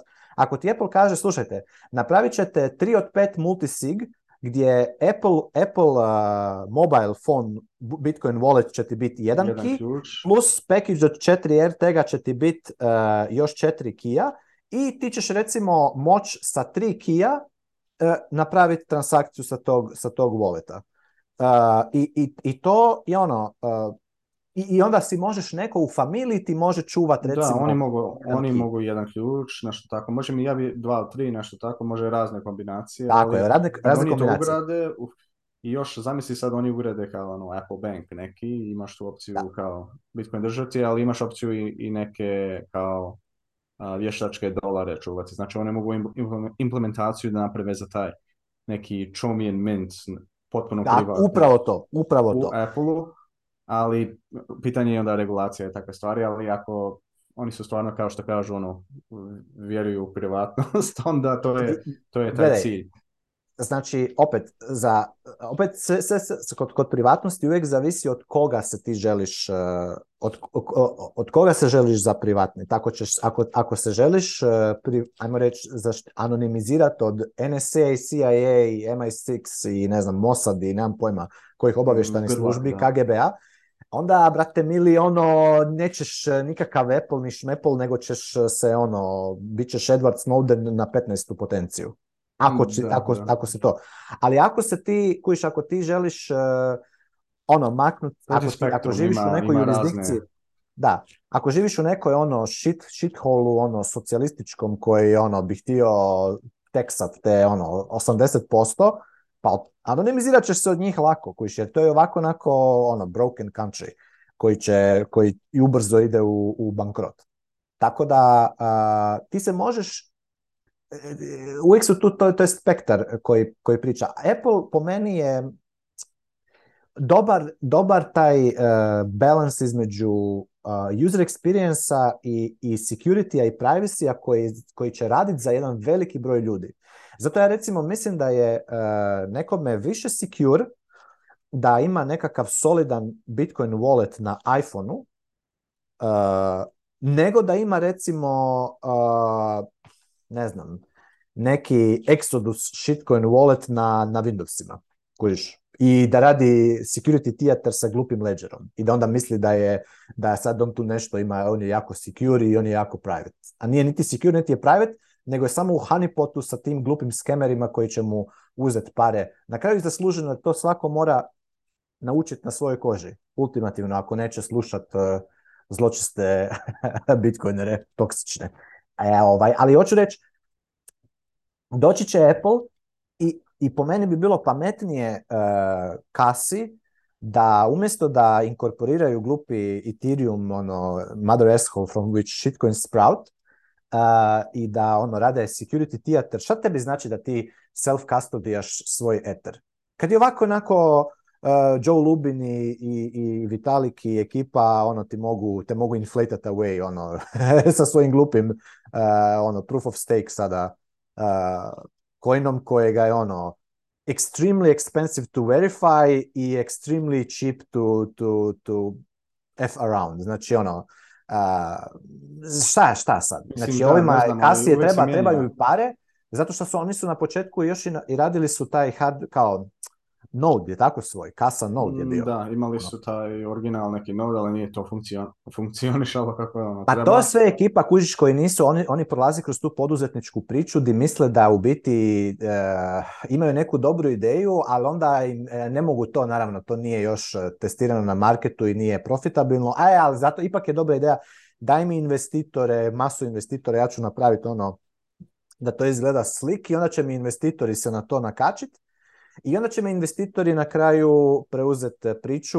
a pogotovo kad investitori vide, gledaj, ono, sami investitori, Nick Carter, Schmick Marteri, nemam pojma ko tamo taj, kako se njih, taj Capital, kako ono, Castle Venture Fund, tamo isto ima puno tih shitcoinera koji su se našli sa time da imaju E, određeni broj etara i oni bi htjeli isto da oni mogu ono, ja bi mi isto volio imati svoj uh, multisig za moj eter šmeter I tamo ima dovoljno ono ljudi koji bi bili spremni platiti par tisuća dolara godišnje kasi da im čuva njihove eter, ono, šta da je ono, evo, to da. ti ono, ko da ti pričam. Pa je to, ali nema, nema na tom tržištu, na njihovom tržištu ne postoji nešto tako. Pa znači, da, zato... to je mi ja jednostavno mišljenje je drugačije u Bitcoinu. Ja ne znam ko u biti vodi tu kasu. Je Jameson Lop ili onaj Newman? ili se e, e, mislim da je onaj e, CEO Nick Newman sada, ali Lop je bio tu od početka.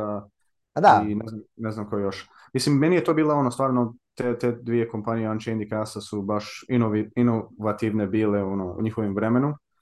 Ali sad, kao što ti kažeš, ima sljedeće kompanije koje će da dolaze, koje će bolje da urade taj posao od njih za manje i jednostavno to će da, da, da napreduje.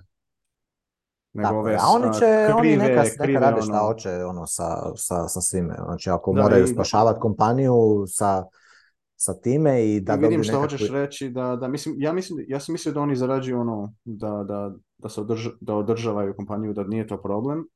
mislim, možda nije, možda samo hoću pare, možda su investitori tu vezani, ali vidim što hoćeš reći da, da bolje da kompanija prirodno nađe neki prihod, bez investitora i ona da raste ono, kako bi rekao, nekako prirodno da raste i da ne, da ne uzimaš neke pare ako ne znaš ne, ne, nemaš kontrolu bez toga. Zato možeš ti prodati koliko god hoćeš kompanije, ali sad imaš neke krive investitore koji oni će da, da preporučuju ili da guraju da ti radiš neke stvari što ti možda ne bi htio. Znači bolje je uvijek da ono prirodno i čuvaj svoj taj ekoti što bi rekli. Um, I nemoj prodati ono. To je, to je fiat, to je fiat, fiat svetu, to ti je ono obična stvar da da, da, da, te nove kompanije koje ne zarađuju puno ili imaju neku dobru ideju koju investitori misle da je dobra ideja, oni nekako moraju da skupljaju novac da, da, funkcionišu. da. Dok dođe do nekog trenutka gdje oni počnu da zarađuju i ponekad sa ovim tehnološkim kompanijama treba dosta ovih usera da, da, da, postigne što i to je neki glavni parametar koji se gleda. Unchained Capital je recimo ima sigurno robustni biznis model od ovih kasa. Ove kasa su, to je ono, praktički djeca koja su se ono išli igrat, e, pa puno je bilo... Ne, ja bih rekao Lap je baš ono, zna dosta. Mislim, Ma on zna, da, ali... E, on je, pametan čovjek, ali rekao bi ipak da Unchained je bolja kompanija zbog nekih stvari. Mislim da jedna stvar je da koristiš otvoren source novčanike, ali u kasi e, to nije slučaj, nego koristiš njihov full source uh, Da. Ali u oba dvije situacije možda ono verifikuješ. Sa strane sa biznis modela, Unchained Capital je, ja, meni se recimo ne sviđa njihov biznis model u smislu da imaju te Bitcoin, Bitcoin backed loans. da, da, koji da, oni kažu da to ne rade rehypothecation i bla bla, no credit, sve to ok, ono, Bitcoin collateralized loans, da. samo što, ali pazi, e, ali ti ne možeš dugove, pa tebi to nema smisla, ono. da, ja mislim da je to, ja mislim da to, je kao ono, negative, damaging za, za, za, za nekoga ko drži, e, ko ima debt i da ima Bitcoin in the same time, e, znači da te to uh, jednostavno, te previše, previše će mess around i na kraju ćeš ono, imati na kraju manji purchasing power nego što biš imao da se, da, nemaš, da imaš zero debt i da je samo imaš stacking. Čisto spiritually speaking. Ali ovaj, činjenica je da, su naj, da je realno u celom tom Bitcoin um, i kripto spaceu najveći value provideri su u, pri, u principu exchangeri, odnosno oni koji, koji znači, Najveći servis, najveći problem, to je recimo ono o čemu Piero Šad zna govoriti, najveći problem danas sa svim tim e, sa Bitcoinom i sa svim drugim stvarima ti je u biti ti on and off ramps. Znači ti ultimativno zato, zato, zato exchange imaju najveću oni su jedini najprofitabilniji. Ako ranaju dobar exchange, to je profitabilno. Nećeš ti nikad napraviti toliko profitabilan Bitcoin wallet. Koliko ako, ako si exchange, ako ti možeš facilitirati ulaz i izlaz iz fiata u, u Bitcoin i iz Bitcoina u fiat i da to možeš napraviti na jedan što je moguće više seamless, secure, ono, dobar, comfort način, ti tu možeš, tu, tu je prava, ajmo reći, zarada. Prava, prava zarada tu, po meni. I, e, I to je zato što je to most valuable, to je najveći problem. Jer na kraju cijele balade ljudi, ti kad, evo, ja sad kad on bordam nekoga novoga na Bitcoin i kad me on pita, dobro, ok, kako da kupim Bitcoin, ja mu moram nekako preporučiti neki exchange. Odnosno, ja moram naći, osim ako neće samo nekakav mali iznos pa da mu ja mogu razmijeniti direktno peer-to-peer, ja mu moram ili dati mu nekakav exchange, ili ga moram uputiti kako da peer-to-peer exchange s nekim koga, ono, kako bi rekao, znači to, tu, je, tu je most, to je most valuable thing, jer to kad ti znaš, kad ti, možeš, kad ti imaš lokalno neki dobar, dobar exchange, Bitcoin, zamisli ono, imaš lokalno Bitcoin only exchange, kao što je onaj bull Bitcoin, ili kao što je onaj River, River ili koji već e, imaš, imaš dosta sada tih Swan je recimo isto tako nešto. Da ti možeš sa američkih uh, ili američkih kompanija, ali nije mislim u Europi koje koje ima ima ima Relay, jedna u Švajcarsku, ima ih par u, u Europi. Tako je. A i ti su isto, pazi, to su ono dollar cost averaging, recimo ja ne, ja ne, ja ne preporučam ljudima e, više nužno dollar cost averaging zato što Eh, mislim, preporučam, preporučam, nije, bolje je to nego ništa. Ali isto tako to ima svoje rizike, recimo, mislim, da imaš rizik kad dolar cost averageš da ćete u, u bull marketu ćete uvatiti FOMO, svejedno, osjećat ćeš se da si bio short Bitcoin, da si trebao više, i ćeš počet Zašto recimo dolar cost averaging aplikacije često stave onaj smash buy uh, eh, botunik? U, kom se, u kojoj se fazi eh, market cykla u Bitcoinu smash buy događa? Pa smash buy se događa u bull marketu. Ne trebaš ti smash buyat u bull marketu. Ako išto trebaš smash sellat u bull marketu, a smash buyat u bear marketu. Ali normalno, ljudi neće tako, jer će, jer ne možeš, šta ćeš ti raditi protiv svojih emocija, ono, imaš pomo, sad ćeš ti smash sellat, možeš misliti, smash baja ćeš, ono, your mom, ono, sa, u, u, u, parabolic bull. Jer, e, i zato čak i te dollar cost averaging aplikacije na neki način imaju skrivene nekakve rizike e, za, za bitcoinere u njima, dobro, rizike, nije to sad strašan rizik, ali opet možeš, može ti se desiti da si ti dolar cost average dođe ti bull market i onda osjetiš, e, ću ipak sam, trebao sam više, sad sam nekako malo short, sad ću inkrisat svoju alokaciju. I, I onda ono, kreneš bajat on the way up.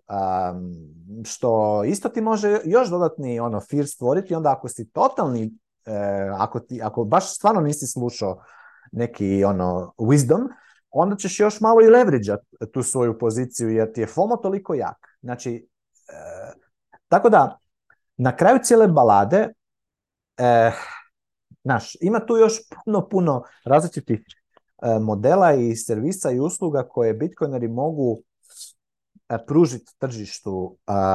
recimo, meni je najveći, na, na primjer, samo da banke daju mogućnost da možeš imati Bitcoin account svoj u svojoj postojećoj banci, da možeš depozitat i withdrawat Bitcoin Lightningom, on-chain svakako i da možeš koristiti Bitcoin checking account, da možeš plaćati u Bitcoinu. Recimo, ja bi to odmah instantno počeo koristiti. I svi ljudi koji su oko mene bi im preporučio prvo, nemojte niti ići na novi exchange. Unutar svoje banke neka vam banka konvertira euro u Bitcoin, Bitcoin u euro i da imate, da možete plaćati u Bitcoinu i možete plaćati u euro, možete imati pol Bitcoina, pol eura ili više ili manje.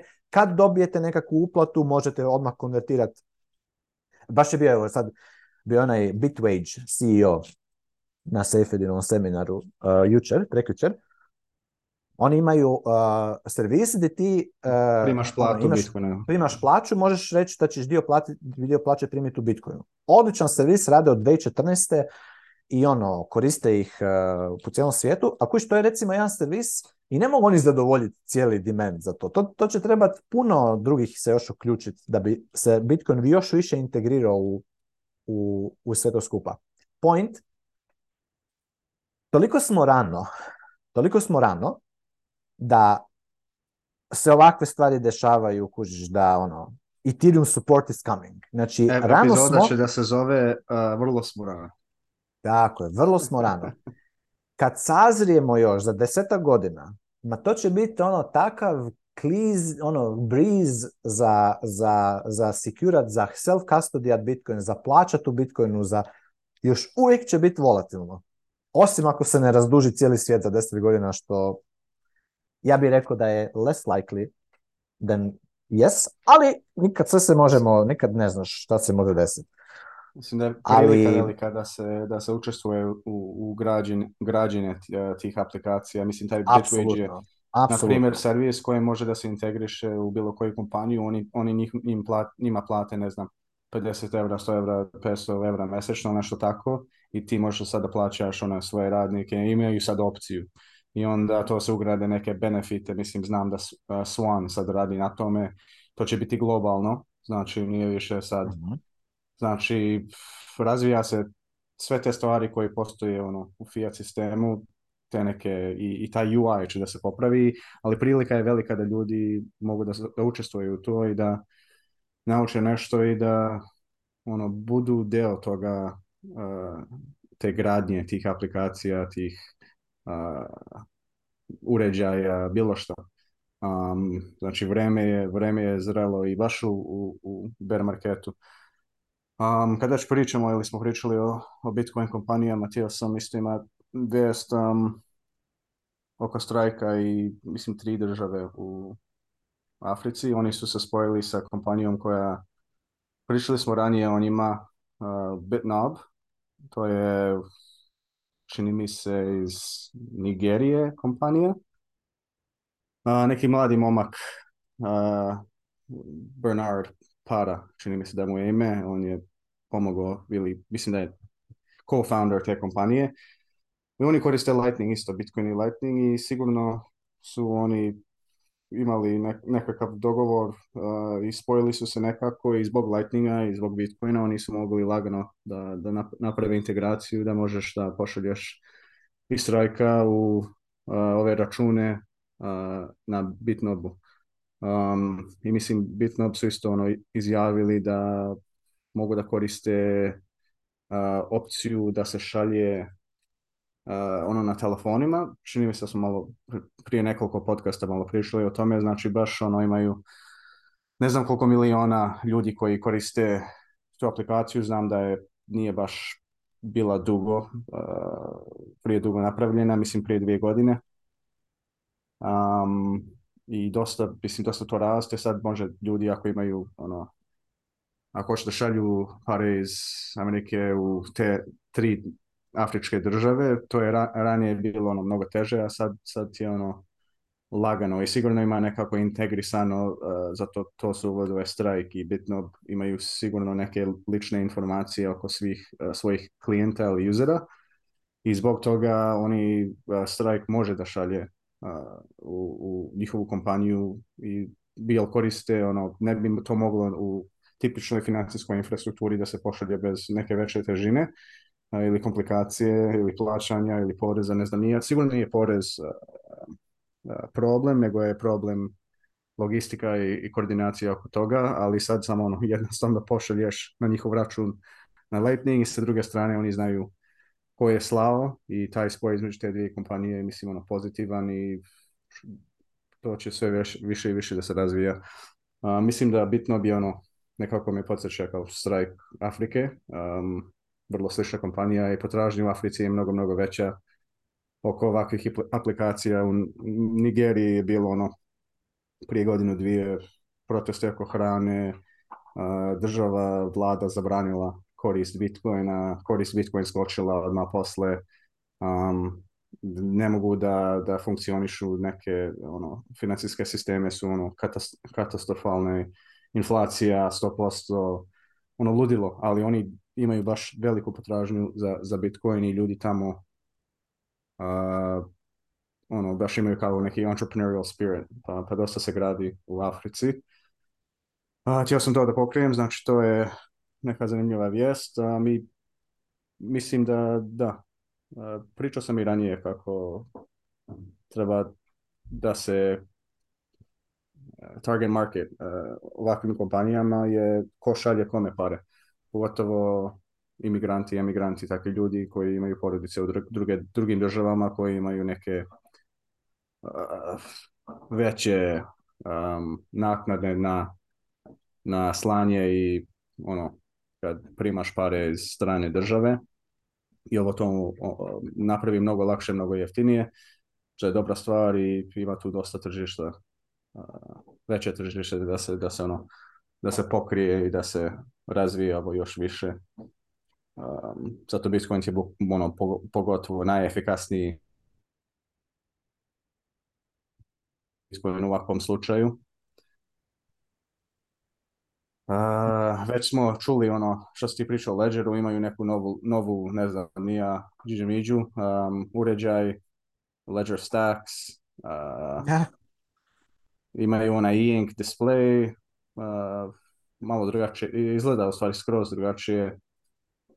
Um, mislim, znamo tvoje mišljenje na, na njihovu kompaniju. Um,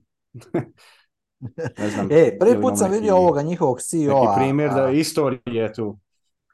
Lik CEO ima one, ko Richard Hart ima, odmah, me podsjetio, ima one, one prstene velike na, na, prstima. je Džinđa Minđa, ko oni, e, ovaj, šiparice pa neki, na, neki, vole da, nose tako.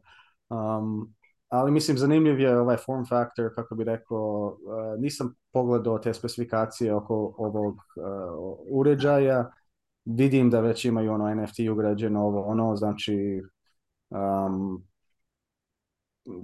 znamo da Ledger ono troši dosta energije na, na te razne... Da, mogu ja samo reći vezano za zašto mislim da Ledger nije, nije dobra ideja za, za bitcoinere. E, ja znam da neki u grupi koriste Ledger i da im se to sviđa i mislim da imamo nekog na Discordu ko kupuje bitcoin od minera pa direktno pa, i stavlja ga na Ledger. Jesi ti onom slučaju gdje onaj, čovjek izgubio bitcoin kad, u ne, nekakvom phishing attack? Da. Pa, znači u čemu je problem? Znači Ledger tu i sam upozorava Bureau of Phishing Attacks, Ledger will never ask for the 24 words of your kao never share them, bla, bla, bla. Sve ok. Međutim, problem je u sljedećem.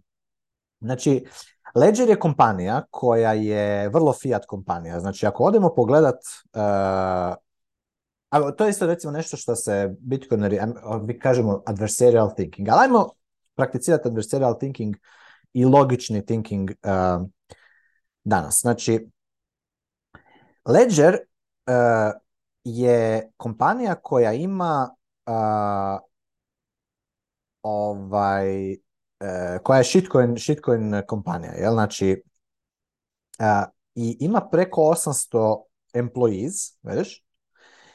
I 800 employees samo u toj kompaniji um, su veliki honeypot. Uh, I ja kad kažem da postoji opasnost da Dobiješ simple phishing attack, znači da ti neko pošalje mail koji izgleda kao ledger, da se ti trebaš update svoj ledger ili šta god već, to je već rizik i tip ljudi koji, koji želi imati ovako nešto, ono, fora, fun, slick, bla, bla, bla, i da im bude easy, da dobiju nekakav taj false sense of security zvani security theater ili cargo culting security, su skloni ne razmišljati, puno im se ne da, ne da, boli ih mozak ako idu nešto malo više razmišljati, pa onda im se rađe ne, onda ću rađe, rađe ću tu ja, pa sam ja safe.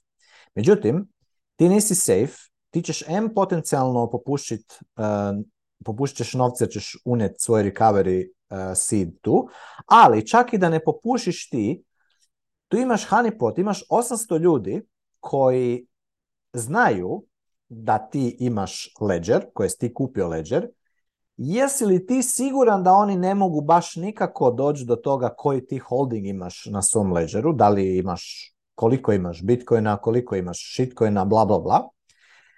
Da li, se da li je moguće staviti neki backdoor, jel nije moguće? Sve su to pitanja, rizici koji su, ajmo reći, e, tu negde, plutaju. A kad još vidiš Ledger CEO-a, da, da, da, da to isto pokažemo tu ko nije vidio, ja mislim da je Coindesk, je? Coindesk intervju, evo ga, evo ga, evo ga. Ovaj, gle ga, džinđice, vidi ručice, gle ga. Znači, kad vidiš ovoga tu, vidiš, viš mu, vidiš ima dva sata, ima, ima džinđe minđe. I kad vidiš ko još ima džinđe minđe, evo sad ću odmah ono vam pokazat kako pa Richard Hart Istraživanje e, Ledgera. Um, Jel? Znači, šta su te džinđe minđe i šta je to sve? Evo ga, šta da vidimo zadnji. Nemoj mu dati ono views, što mu ideš na kanal. pa dobro, ali evo, čim moram dat uh, Ledgeru, Šmeđeru... Razumijem, razumijem, ima, ima e. Ali da, problem da Reč, taj, point je da, da, point je da uh, Ledger je shitcoin kompanija koja radi security theater. Znači, vama prva stvar kome treba ledger. Neko, kad, neko će reći meni treba ledger, meni treba hardware. Evo, moj prijatelj Igor je tako mene pre neki dan poslao mi je poruku, kupio sam ledger, šta misliš uh, o tome da bi to mogao da bi to mogao koristiti. Znači, koristi at your own peril. Ako si takav uh, lik iz bajke da misliš da si sad ti ćeš sad ti želiš nešto da si ti morsi. Ne, ako ti misliš da si ti unsecure, odnosno da ti tvoj setup custody, self-custodial setup za Bitcoin nije dovoljno secure, onda se uhvati properly posla i kontaktiraj Bitcoinera u svom životu koji će ti pokazati kako da napraviš, na primjer, multisignature, kako da instaliraš core, Bitcoin Core Wallet, kako da instaliraš, na primjer, Sparrow i kako da napraviš simple 2 od 3 multisignature. I onda jednostavno ćeš spremiti tri sida ćeš spremiti na tri različita mjesta. I već ćeš s time napraviti neusporedivo bolju stvar, nego da radiš glupi security theater jer si sad kupio Ledger koji ti ono još i fora, vidi slik izgleda i onda da možeš tamo negdje kad se ideš s nekim malo pocugat, imam kripto na Ledgeru, kripto na šripto, na Ledgeru. Ne, nemoj se otvarati, nemoj otvarati taj, taj atak vektor na sebe koji je social phishing atak, kombinacija svega toga, da, ali njima se, e, Ledger je popušio 270 i nešto tisuća e, customer podataka ja mislim da je bilo više, je bilo više? Ili koliko god je bilo. Ne znam, ja sam to je bilo, to bilo pred dve godine. Ne, da, znači, ali... To, e. Ljudi na toj listi su bili baš ono... Ljudi na toj listi, ali to ne znači da se to neće ponoviti. Znači, jedan put kad se tako nešto dogodi na kompaniji koja je security, ona bi trebala tebi securat tvoj novac, a njima se dogodi lik takav, kako ti možeš opet e, vjerovati takvima? A ne mm, moraš. Ali sa, sa, sa, sa, druge strane bi rekao, u pravu si, um, ali ako nisu neš, ništa naučili sa, to, sa tim problemima koji su imali, mislim, to je bilo na kraju marketing, e, e, znači nisu tu pazili ko je imao pristup tim, toj informaciji, ta informacija je bila baš dosta informacija i oni, ja znam da su oni rekli su ba, bar da su kao popravili taj sistem ili šta bi ja uradio, ono ne bi, ne bi stavljao toliku informaciju da bude u marketing, nego nekako drugačije ono napravi taj sistem. I to su sigurno uradili, ali pitanje je ono da li će opet to da se desi, ima šansa, da. I još ljudi ne skontaju da sa ovakvim volatima prišli smo ovom ranije da ima taj javni ključ i taj javni ključ e, e, daje njima pristup da vide ono bukvalno koliko Bitcoina ima i to je zato Ledger je mogu reći mi držimo obliko imovine u tom digitalnom smeru ljudima u ovom, u ovom broju. Znači oni to znaju. Um, sad je pitanje da, oni trebaju baš da paze tu informaciju i to nikad da se nikome ono da niko to ne vidi, ali ima tu 800 ljudi ko rade tu, da li vjerujemo ovog čovjeka koji ono nosimo, nosi prstenje i dva sata, mislim meni to nije bitno, što, nek čovjek nosi šta god hoće, ali to su sve one dodatne neke stvari i ti trebaš ono sam da da, odlučiš. rekao bi većinu ljudi koji koriste Ledger nisu ono imali velike probleme, ali puno jesu. Još. Ono izgubili, još. Mislim i dosta jesu. Ne, ti, ne i... znaš kada će imati. Znači ti, mm. probleme s tima takovima potencijalnima šta oni ne moraju biti od... Isto kao onaj, kako se ona, ona kartica, bale, kripto, onaj, onaj klinac, onaj što je onaj... Mm, da, ona kartica, da, da. E, znači, gledaj, znači ti u tome je poanta, znači ti, te, ti honeypotovi koji su ono ripe for taking, oni ne moraju nužno a, odmah tebi to je. To isto ono, znači, daj ljudi, ono, nemoj, nemojmo se zavaravati. Znači, tu se radi se o tome... tu na kraju da, da. da, ne, da neko to krene, da, da, da uradi nešto sa tim. A, ali ovdje imaju puno, mislim, to je sve, kad ulaziš u ovu temu, onda ono, primjetiš da ima puno neke nijance u Bitcoinu. Znači, ovo isto kao što, što si ti rekao, ono, oko password manager ne znaš da koristiš ono, koja osobne, koja jačina šifre, da koristiš na stranicama i na svoje ono, mailove i takve stvari i exchange onda bukvalno to ti je velika rizika isto. Nemoj ni misliti o ležbu. Ono, Apsolutno, mislim je... Opće... Da. šta je safe, kako, kako, kako, kako ja to znam reći e, beginnerima, kako da, kako da razmišljaju? Recimo da neki beginner stavi, nemam pojma, recimo stavi 1000 eura u, u Bitcoin. I ja mu kažem, dobro, sad ćeš ti to sekurat i sad, ok, 1000 euro hoćeš izgubiti, hoćeš, hoćeš dobiti, nećeš dobiti, ono, recimo da nekomu je to nekakva mjesečna plaća ili po, ili nemam pojma, zavisi kako ima normalno. Ali ovaj, e, ali šta ako je, ali šta ako ćemo pričati o, recimo za, ne znam, 8 godina, a to ti onda 100x, a onda više nije 100 tisuća, onda više nije 1000, onda je 100 tisuća eura. Hoćeš 100.000 eura držati kod nekoga koji ima džinđuve i minđuve koji će te... Ono, kako ćeš se osjećati? I, I hoćeš li biti confident da u međuvremenu alociraš još toliko da štediš pa da imaš možda i milion eura u, u Bitcoinu? Je biš držao milion eura na, na Ledgeru ili na onom Trezoru koji je isto loš, isto stvar. Znači, di god vidiš kripto, čim, evo ga, sad sam ga tu otvorio, čisto da ga vidim. Znači, safe, safe word. Kad vidiš ovo, ovu riječ, E, nek ti se pale lampice u glavi. Znači, gasi, gasi stranicu. I simple je. Gasi stranicu, kad vidiš kripto, to nije za tebe. Jel? Jednostavno nije za tebe. Ako vidiš riječ Bitcoin, Ultimate Bitcoin Protection, e onda se počni, onda počni malo razmišljati. I ako ta kompanija uz Bitcoin ima i kripto, offering, protection, bla, bla, bla, nemoj je koristiti za kao svoj ono core holding saving security. Nemoj. Jednostavno nemoj.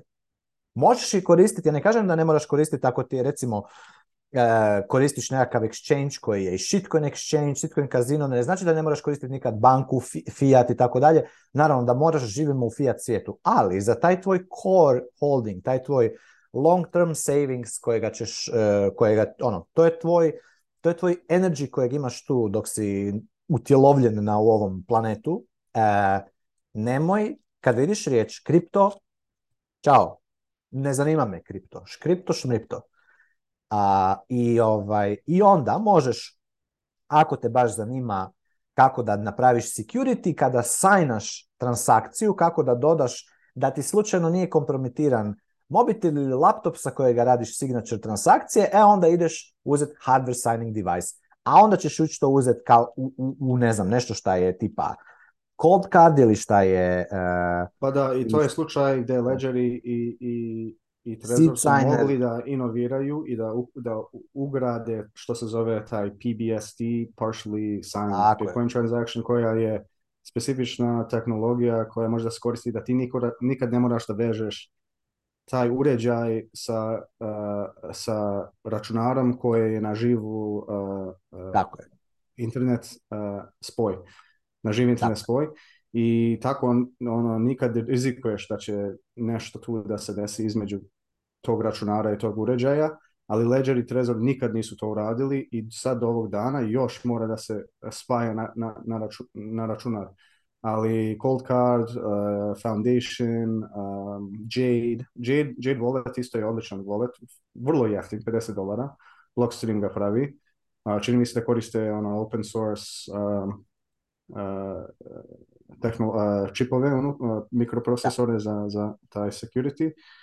Um, znači ima tu razne novčanike koji su baš dobri. Ja ne znam koja je još. Seed signer bukvalno možda da, da napraviš sam kod kuće, kupiš dijelove i viška.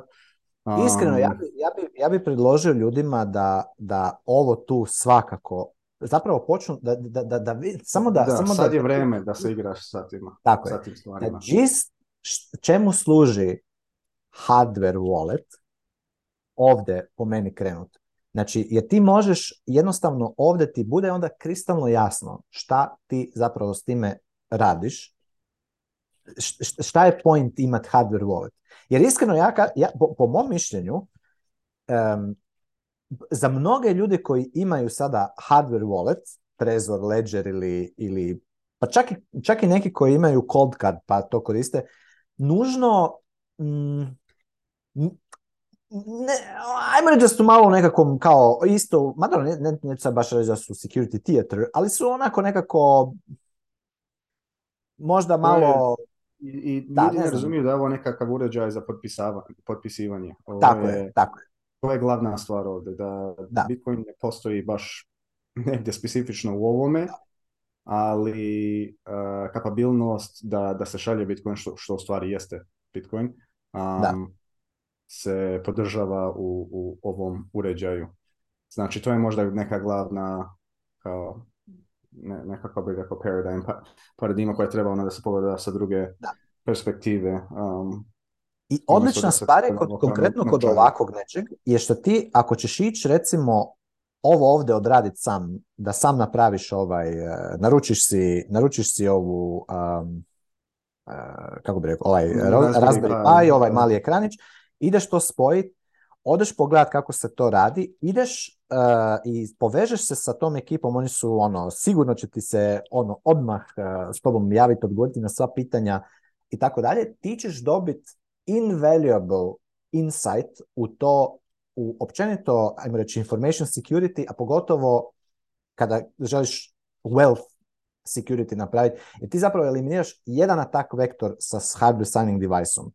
Ali ako ti eliminaš taj, taj atak vektor, a recimo ignoriraš, na primjer imaš jedan atak vektor koji se zove supply chain attack, kojega isto tako možeš popušiti, na primjer card je super stvar zato što je to gotov, ono, i to je dobar Bitcoin signing device ono, dobra je stvar za, može se preporučiti, oni su stvarno, do sad stvarno nisu imali nikakav uh, issue. Međutim, Isto i tu trebaš razmišljati recimo, ono, gdje, ako, ako ti već imaš za security ne znam koliko, ali opet ti nisi security expert na kraju krajeva, da li ti moraš sad to naručiti na svoju adresu pa da se opet e, negdje zna da ćeš... To je druga nijansa oko toga, da. To je druga nijansa, ali to su sve nijanse. Ako ćemo već ići u dubinu, onda idemo u dubinu. A ako nećemo ići u dubinu, onda nećemo ići u dubinu.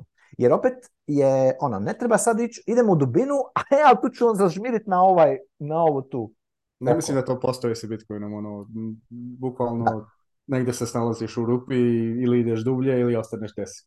Zato je ultimativni point se spojit, ovako kao što mi imamo ovu 21 grupu, spojit se tu, tu su, znači mi koji smo otvorili ovu grupu, sigurno imamo imamo jako dobar filter za uh, i sigurno ako dođe neki newcomer ili neko, newcomer. Dođe, dođe sad neko ko počne puno ovaj, pričat stvari koje nama onako počnu malo smrdit, e, to će se jako lako root out. Tako da je, ova grupa je dosta, dosta dobro mjesto za ljude koji ih zanima ovakve stvari, ono, u konkretno ući malo dublje i, i stvarno vidjeti šta, je, šta im je najbolja situacija. Jer pazi, opet na kraju radi se o novcu. Nije to nije to trivialna stvar. Znači, ljudi ako hoće, kad kažu be your own bank, nije to easy, be your own bank. Postoji razlog zašto su banke uvijek e, postojale i da su imale kastobi tuđeg novca. Čovjek ne želi nužno sam držati svoj novac, jer nije siguran u to da će ga dobro moć, da ga neće izgubiti ili na bilo koji način. Zato Bitcoin tu ima puno inovativnih e, solucija modela multisignature je nešto što nije postojalo nikad, mislim, ono, na, ne na taj način, na jedan trustless E, znači, ti nisi, ti, ti sad imaš načine i načine i modele i modele kako možeš osigurati novac i različite dijelove svog novčanog steka. Recimo, ti možeš imati jedan dio novca na exchangeu kojega ćeš, koji ti je, ne znam, za tri mjeseca ili koliko već, tri, šest mjeseci tvojih troškova, pa da ti stoji tamo na exchangeu. Neće ti, ne, neće exchange samo tako, osim ako nije FTX, ali opet, i FTX da, ti treba namirisati, e, trebaš moći namirisati taj ono, potencijalni bullshit. E, recimo, FTX je, je, je smrdio još u, smislu kad bi Znači, čim te, čim te exchange ili neko te incentivizira ekonomski, financijski, da dođeš i da depozitaš kod njega uh, novce, bilo ti nudi nekakav yield, bilo da ti nudi ono, sve, kako bi rekao, free, no, no fees ili jako mali fee, bla, bla, bla, tu ti se moraju paliti lampice. Znači, tebi je puno bolje, puno ti je bolji exchange koji će ti, koji je lokalni, koji će ti nabiti veliki fee, da ti exchange, recimo ti, ti kaže, slušaj frende, može, evo, štedi kod mene u Bitcoinu, ja ću uzeti od 5% svake transakcije koju, koju konvertiraš u Bitcoin u fiat, ali imaš, e, ono, imaš, imaš me tu, ja ću ti biti tu. Po meni, to ti je bolje platit nego ići e, uh, ovaj mi nudi sve for free, unicorns i rainbows i pinky pinky, ja ću free, ja ću free lunch. Nećeš free lunch. There is no such thing as free lunch. Popušit ćeš pare, uvijek svaku stvar ćeš platit, samo je pitanje da ćeš je platit sad, u novcu, pa će ono biti čist račun duga ljubav, ili ćeš je platiti u svom vremenu, pa nećeš platiti u novcu, ali ćeš platiti u vremenu, što ti opet resource koji je novac, ili ćeš platiti nećeš platiti ni u novcu, nećeš platiti ni u vremenu, nego ćeš odmah ići, sad ćeš dobiti prvo, brzo ćeš dobiti nekakav virtualni gain, ko što su masa ljudi dobivali na FTX-u, pa ćeš onda pam dobit ga u, u tamo, gdje ga ne bih htio dobiti. I onda ćeš popušiti, pa ćeš onda naučiti tako. Znači, pitanje ti je samo tvog izbora uvijek, taj evo naš slušatelj, gledatelj, pitanje tvog izbora šta hoćeš, kojim hoćeš putem ići. Moj, po meni, Bitcoin je još uvijek, kažem, to je, to je malo, to je mlado, mlado tržište još uvijek, gdje ima jako puno puno različitih parametara i teško je naći signal od šuma, jel, razlučiti. Ovdje imamo tu grupu koja je signal, jel, i nemojte sami iz, izvoditi, izmišljati, nego pitajte i tu će vam se pomoći. Ako ne, ono, ne morate tu opet vjerovati, ne, ako ja govorim i guram na jednu stvar, ako ja kažem Ledger po meni nije dobra preporuka za nikoga praktički, E, osim za nekog ko mora proći kroz shitcoin fazu pa mora platiti e, taj stupid tax i, i onda naučiti o čemu se radi. Ako ja kažem da, Bitcoin, da, trez, Ledger i Trezor nisu dobra rješenja, možda će vam neko drugi reći, pa gledaj, možda Pavo jesu, možda ako koristiš recimo Trezor ili Ledger u kvorumu drugih, e, a pa imaš multisignature solution, pa onda možeš u principu imat bolji security, slažem se, ali je li imaš ti taj multisignature forum, jesi li napravio taj setup, jesi ga testirao, jesi ga, jesi ga restorao, jesi naučio kako ćeš recimo restorat multisignature uh, wallet. Recimo ljudi kažu, a ja ću otvoriti multisignature wallet. Ok, a šta ako recimo taj wallet u kojega si ga recimo da ga otvoriš na Blue Wallet Vault i naručiš, otvoriš multisignature, dva od tri. Šta ako Blue Wallet recimo se cenzurira sa, sa, sa sa App Store-a ili sa Google Play-a. Kako ćeš ti restorat, je znaš restorat uh, nazad, znaš, kako se, znaš kakav je derivation path za dva od tri multisignature load, jesi ti, ti to zapisao, jesi ti to zapamtio, ćeš ti to znat kako ćeš, jesi znaš kako ćeš to napraviti? Ne, uvati će te panika.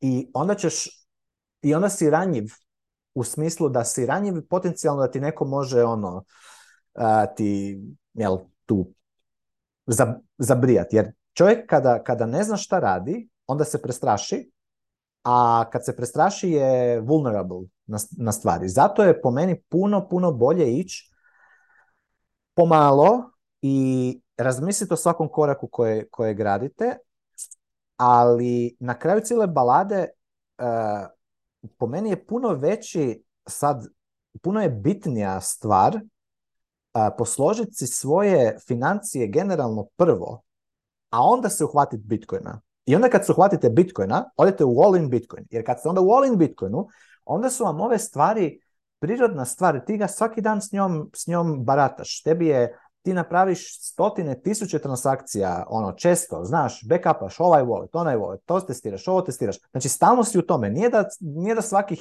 x vremena, ono, da se treseš, sav se ovako, se ono, treseš, jer moraš potpisati Bitcoin transakciju i muvat, ne znam, neki veliki iznos novca za tebe, nikad nisi to radio. Ja se sjećam kad sam radio prve te Bitcoin transakcije, ono, znalo mi je nekad tu, kužiš, ono, grčte uvati čoveče šta ako je negde izgubilo se, nema šta ako sam krivi, krivo sam adresu kopirao, šta će se sad to biti? Ajme, meni izgubio sam pare. Sjećam se kad se naput onaj Wasabi wallet, ono, eh, on ima, možeš coin control raditi eh, u njemu, i ja idem tamo igrat se, coin joinat, vamo tamo, t, i šaljem stalno sa ovog jednog, na jedan exchange, jer sam ono već počinjao bit u, u, prilično ono, u full Bitcoin standardu, i, svaki tjedan bi napravio dve, tri transakcije prema exchange a, tu, tu u Hrvatskoj. I, jedan dan nestane, e, vidim da mi nema, vidim da u, ne, ne samapaju na onaj iznos bitcoina kojega sam ja računao da imam. Zašto? Zato što je jedan coin, jedan transakcija koju sam poslao, jedan UTXO, je ostao u mempool, mempool se napunio, on je ono purgeon bio iz transakcije, sam wallet Um, onaj, kako se zove, onaj config file, nije refreshao to da se taj coin vratio natrag. Ja sam mislio da je taj coin već na exchange-u, exchange ga nije primio. sad ga gledam ono, gdje se nestao je, nestao mi je coin, gdje, gdje je nestalo je to, kužiš, pa to je iznos ono, odvratan osjećaj. I onda moraš, onda sam znao, sjećam se da sam išao na, na, na Wasabijev Reddit, tamo na, na GitHub, ono, pitam šta je to, dok na kraju su mi objasnili šta moram napraviti ali to je onako stresni, stresni jedan feeling. Point je da te, ti stresni feelingzi e, su, njih nećete imat kad, se, kad odete u all-in u Bitcoin. Odnosno, nećete ga, mislim, ja ćete, e, naučit ćete to vrlo brzo šta vam je najbolji setup za vas i onda ćete ga konstantno, ajmo reći, reviewat, upgradeat, higijena, taj, taj, taj, ono što se zove password hygiene, što ti kažu da recimo svakih, ne znam, 3 do 6 mjeseci bi bilo pametno refreshat uh, tvoj security setup i da vidiš strong passworde, promijeniti passworde i tako dalje. Tebi će taj security, ajme reći security hygiene oko Bitcoin security-a biti apsolutno super mega high kad si u Bitcoin only. A, ovaj, a da bi došao u Bitcoin oni prvo moraš posložiti generalne financije. Jer opet badave ti je sve ti skupa, ti možeš imati super, to sad evo renta, ali ću zaključiti, ti možeš imati super eh, ono setup, bla, bla, bla. Šta ako ti nisi uredio svoje financije na početku kako spada i tebe recimo postaneš force, seller iz bilo kog razloga, eh, recimo sljedeće godine sljedeće godine još uvijek si ono u bear marketu, ali ono, nekakav se event dogodi, ono veliki market crash, ko je bio 2008. Ti imaš nekakav kredit sa promjenjivom kamatnom stopom, kolateraliziran sa tvojom nekretninom, nekretnina ti ono rokne u vrijednosti za 50-60% dolje, banka ti ono digne kredit kamatnu stopu, izgubiš posao i paf, šta, ćeš sad ti napraviti? Ha, Badavet je cijeli, cijeli ovaj, ono, security tvoj, security. znači, opet imaš problem, ti moraš prvo počistiti i riješiti redoslijedom stvari. A onda, mislim, u međuvremenu, naravno, možeš to što god radiš sa Bitcoinom, to je na neki način, je super, ali ne, ne, nemojmo se ljudi ono zavaravati. Znači, treba, Bitcoin, eh, Bitcoin ćemo svi, mi, čovječanstvo će ga koristiti kao svoj money, base money. I, i, i cijela infrastruktura se oko toga mora još izgraditi da, se, da ljudi nauče kako ga koristiti u svakodnevnom životu. Isto kao što se infrastruktura za slanje, za, za e-mail, za internet trebala napraviti. Da, 95. godine ti si mogao poslati e-mail, jednako kao što možeš 2022. godine. Međutim, 1995. godine jedan čovjek od 100 random ljudi, svi su čuli za internet, svi su čuli za e-mail, ali jedan od 100 bi znao actually sjest i poslati e-mail i primiti e-mail, otvoriti ga i pročitati. Jednako tako, ti sad odeš 100 random ljudi, znači ćeš jednoga ko će ti znat poslat Bitcoin transakciju i primit Bitcoin transakciju. Samo kao basic, a kamoli ići ono in depth Bitcoin security i tako dalje. Znači mi moramo još vremena, barem još jedno 10, 15, 20 godina vremena da to sve skupa sazrije. Dobro da se ta infrastruktura oko svega toga dobro, dobro, dobro izgradi. Još ćemo imati puno, puno ovih shitcoin skemova, ponzija, Richarda Hatova, ovoga tu što isto ima te džinđove, minđove koji ti govori vidi ga ledger, eh, vidi ga ovo ono, kako je to, stvari, to jako secure. I oni imaju tamo diversity, inclusivity, imaju ono, gendere ove i one, sve imaju to u Ledger kompaniji. By the way, pogledajte si about Ledger kompaniji šta su njihove, ono, koju tip ekipe oni atrektaju, onaj fiat. Tako da, ono, I, I ljudi će jednostavno naučit, i možda je to najbolji teacher.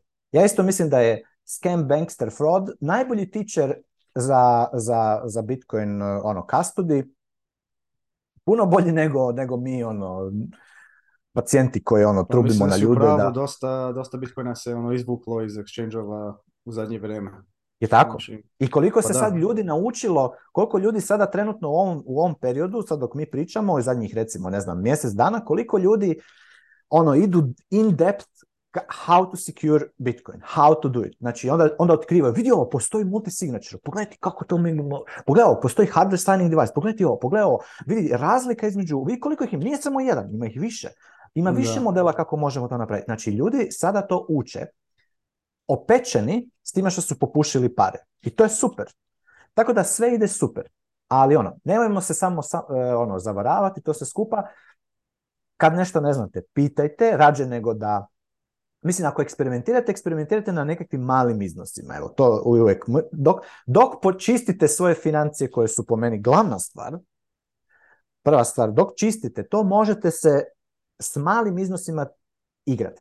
Nije, neće vam Bitcoin pobjeći. Nigde neće Bitcoin pobjeći. I nebitno je da li je Bitcoin na 17.000 dolara, da li je na 7.000 dolara, da li je na 70 ili na 700.000 dolara. Bitcoin će biti tu, bit će volatilan i dalje.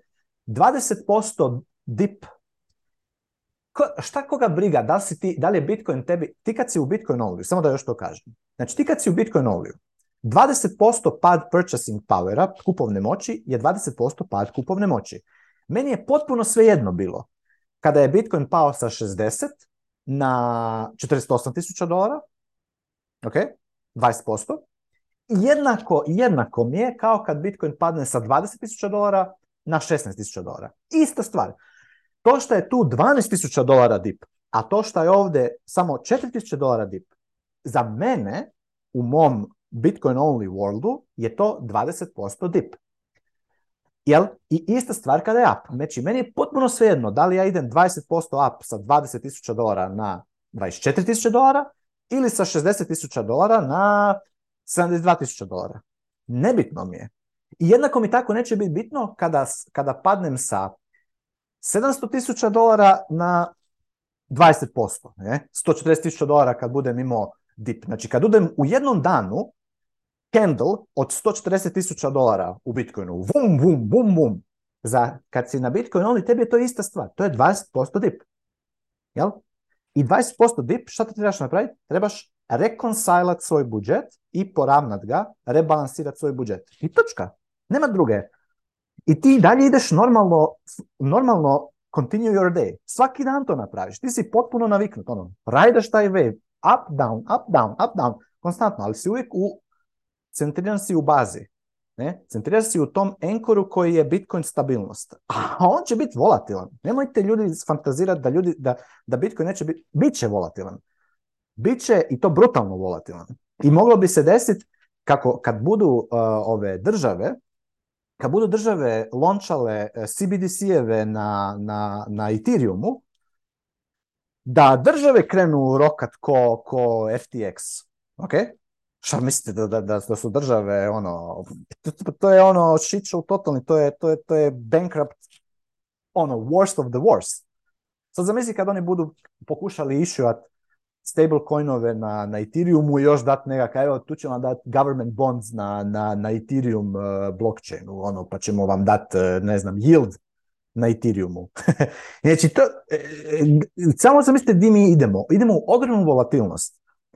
A i zato Volatilnost treba embraceati, to je, to, je, to je poruka. A da biste embraceali volatilnost, treba ići u Bitcoin only. A da bi ušli u Bitcoin only, prvo počistiti svoje financije i složiti, naučiti zero, zero based budget, razdužiti se kompletno. Naviknuti se da imaš 10-20% budžeta za giving. Jel? Moraš imati taj, taj, taj, feeling da, da on, ima benefit na sve. Da imaš, da imaš višak u stvari. Da imaš višak, da, da, da ne gledaš da te ne hvata FOMO ili da gledaš onoga, vidi ovoga tamo, onaj scam, bankster, fraud, ili ima puno, ili ovaj tu ima, ima više od mene, pa ću ja sad biti e, žalostan šta je. Ne, ti je taj da ti, da ti soul osjeća taj generosity, da imaš, da imaš abundance. To će ti atraktat da imaš veći income, jel?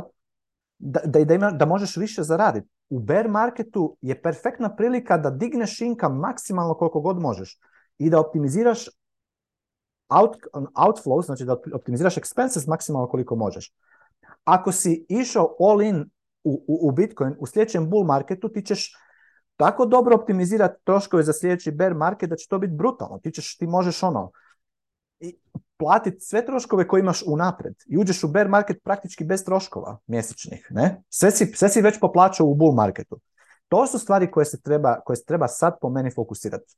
Budgeting, get out of debt, E, i, i, i radi giving. Onda, u međuvremenu igre se sa Bitcoinom tek toliko da malo, ali tu, po meni bi tu trebao biti glavni čank e, ono, fokusa. Tu je glavni čank fokusa. To je ono što su bitne stvari za to naučiti. A onda kad to naučiš, odeš u Bitcoin only i onda bustaš.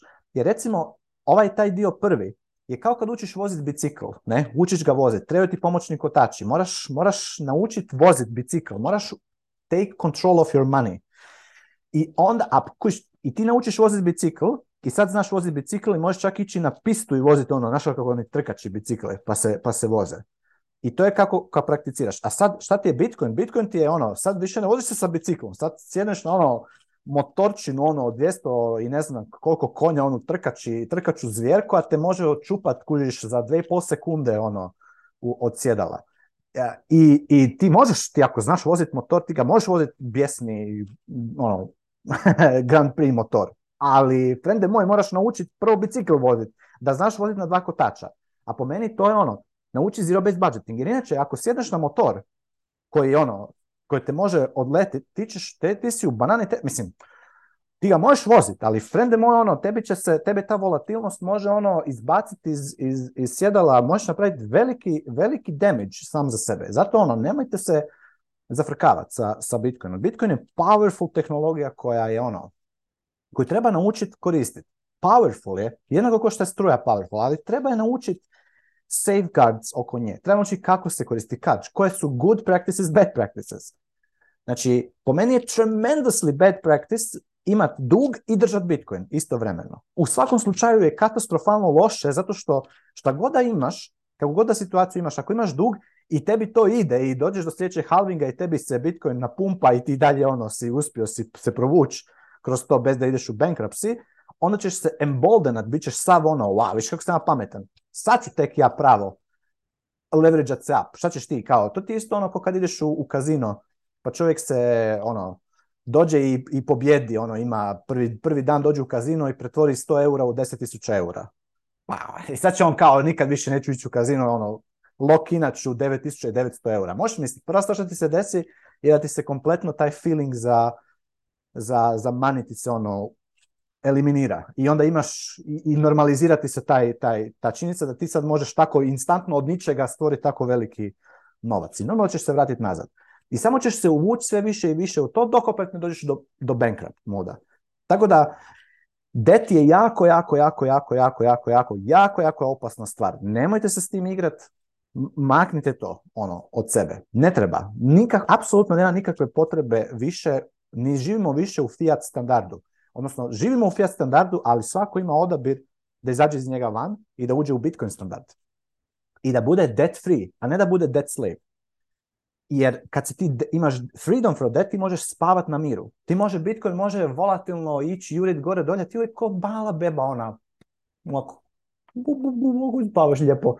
Ujutro samo se probudiš, gledaš, uh, šta je, pao je, naraso je, nebitno. Reconcilaš budget e, i, ideš dalje. I odličan si, i akumulirati se taj feeling stabilnosti. Znači to isto. Nije to da si ti sad došao, ah, sad, sad mi je super, pa mi je zen, sad sam na miru. Ne, tebi se taj mir produbljuje s vremenom. On ti je sve više i više, kako bi rekao, te permijeta. Jednako kao što te taj det s vremenom te premijeta taj, taj spirit of slavery i to sve skupa. I nećeš moći napraviti određene stvari koje bi mogao napraviti da si debt free. Zato se treba eliminirati to. Najveći bullshit je ono, ta ideja da, dignut ću kredit jer ću moći više bitcoina stekat. Ne, tebi nije bitan broj bitcoina. Te su sve stvari koje, ćeš koje, ljudi nauče kad skuže actually o čemu se tu radi. Bitan ti je purchasing power. Ja bi rađe imao jedan bitcoin danas nego 10.000 bitcoina 2010. O tome smo pričali na početku ovoga. Znači 10.000 bitcoina 2010. imalo purchasing power dvije freaking pice, 30 dolara. Danas jedan Bitcoin ima purchasing power 17.000 eura. Ne? Znači, možeš kupiti auto za to, bez problema. A 0,01 Bitcoin za 10 godina će biti veći purchasing power nego jedan cijeli Bitcoin danas. Šta ćemo sad? Je bi Šađe imao 0,01 Bitcoin za 10 godina ili jedan Bitcoin danas? Pa normalno da bi Rađe imao 0,01 Bitcoin za 10 godina. Jer to je veći purchasing power ali ljudi moraju shvatiti da, znači, nije bitan broj bitcoina kojim, kojim raspolažeš, bitan je purchasing power, jel? I tako to su sve stvari koje ti dođu prirodno kad si u Bitcoin oli, a da bi došao u Bitcoin only opet ću ponoviti. Zero base budget, get debt free, stavi si giving kategoriju u budget. Nauči se da giving money, jel, vrlo bitna stvar, 10-20% i onda sa tim to možeš sve skupa u šest mjeseci posložiti, ovo o čemu pričam. Posložiš to i onda uđeš u, u Bitcoin only. I onda daš, dobiješ tek pravi taj gas, gas na, na, na cijelu stvar. Jer onda još jednu stvar koju imaš dodatnu je da si zapravo imaš tu volatilnost day to day.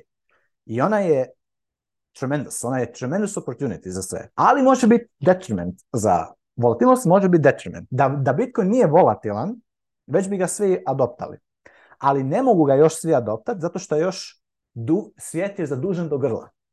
Dok god je svijet zadužen do grla, Bitcoin će biti volatilan. Kad se svijet razduži, Bitcoin će se monetizirati orderly. Jer to je ono kad razmisliš zašto Bitcoin napumpa 10-15 puta u godini dana. Zašto? Zato što ima, ima demand koji je from the future. Ljudi pulaju future demand i kupuju Bitcoin s njim. I zato napumpaju taj price toliko, ali onda hitaju supply, koji supply isto tako, po, newly created supply, 900 bitcoina na dan danas, isto tako tremendously naraste u, u, u purchasing poweru. I onda u jednom trenutku kad ti više ne možeš se leverageat, nemaš više, egzostao si bajere koji više ne mogu tekat more leverage, taj buy demand pomalo, pomalo t hita i supply demand, mod, supply ide malo više. Kujiš, toliko su valuable taj new supply da on out tipa new new, uh, new buy demand. I onda krenu liquidation. Znači mi liquidation, onda doda još na, na, na supply, jer onda i taj forced liquidation Uh, leverage liquidation dodaje se na supply. Onda on još kaskadno još sruši ove koji su ispod njega leverageani, pa i oni moraju prodati. I onda počne price padat, padat, padat i onda se ljudi počnu strašiti, ajme meni, Bitcoin pada, idem ja selat. Znači ljudi selaju kad Bitcoin pada. Ne? I onda dodaju na, na, na sell, sell pressure. I tako se dođe u bear market. Tako, zato mi imamo tako ogromne drawdownove. Jer smo, gledajte sve ovo što se sada destrojalo u ovoj godini. Sve su to bili leverage, ponzi, ali u root tome je bio taj easy money, taj leverage, taj, ta masovna količina duga koju su imali, koja, koja, koja around u, u, u cijelom financijskom tržištu. I, I dogod postoje još uvijek, dogod kredit, mislim, ja mislim da će biti sljedeća, u sljedećem halvingu, ako Fed uspije držati 5% federal funds rate do 2024. iako se nešto ne uroka pa da se ne vrate ono nazad na, na, na zero, uh, zero Fed funds rate, a ako uspiju da zadržati pa možda ćemo u sljedećem, u sljedećem eri halvinga možda ćemo imati uh, ono manje divlji uh, pump, ali ćemo imati umjesto manje divlji dump. Zašto? Zato će biti manje leverage i dalje će biti po meni leverage jer ne vjerujem da će, ja, ja ne vjerujem da će Fed uspjeti držati toliko dugo 5% federal funds rate, ali ko zna, mislim, ono, možda je, možda je Jerome Powell novi Paul Walker, ali opet, regardless, znate što vam je činiti. Dosta rent.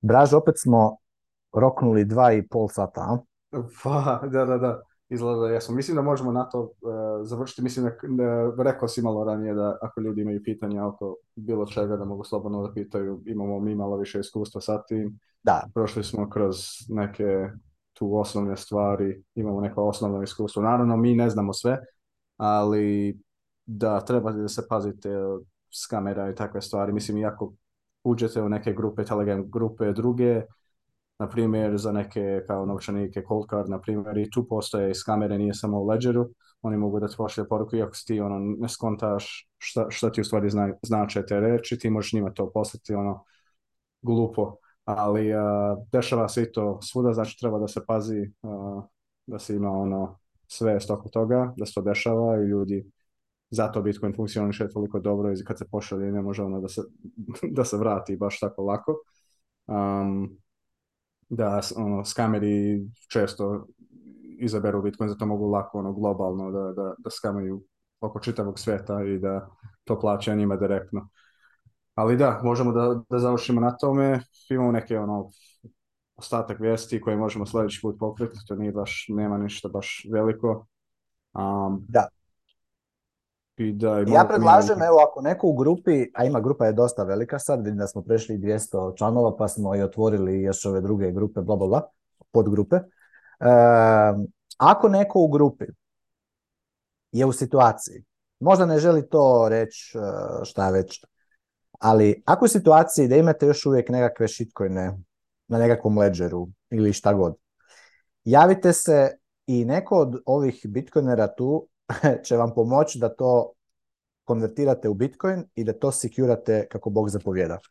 E, ja se sjećam, ja sam to e, takav, takvu uslugu ponudio e, svojim par kolegama, prijateljima koji su i rekao sam može ali daćeš mi za tu uslugu 10% od onoga steka kojega ti uspijem likvidirat i, i sejvat.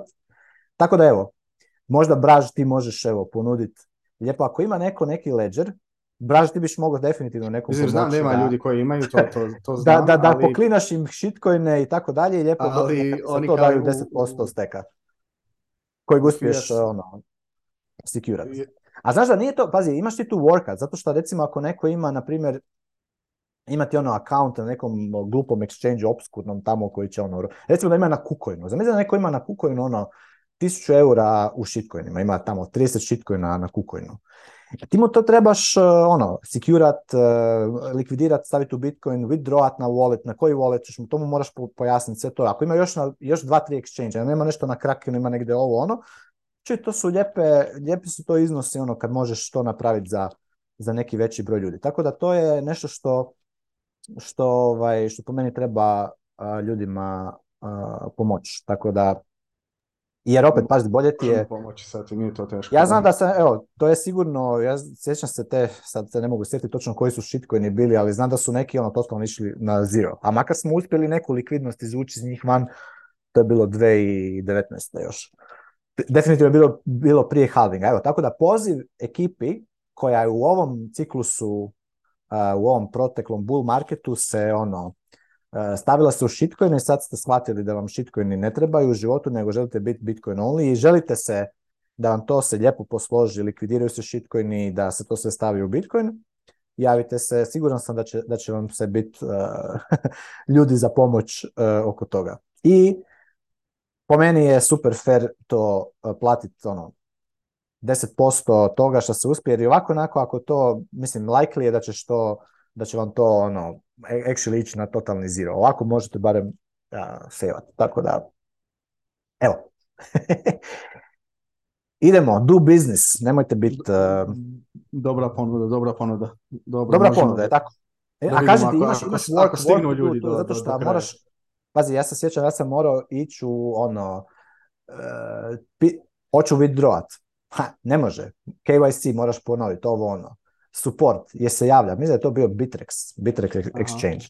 Stari moj, tjedan dana je trebalo dok ja nisam back and forth, dok nisam uspio actually Znači, ljudi ne, ne, ne kužiš ti koliko je, koliko neki exchange su, ono, koliko su shady, pogotovo ako su neki ono shitcoin totalni exchange di ono nekakav tamo, nemam pojma. A ovaj, da evo ovaj moj Hrvoje tu Ma, ne znam da mu je ostalo. Mora si da mu pomogneš, a? Da, pet... Pa dobro, da, ponuda je tu, ako ljudi hoće...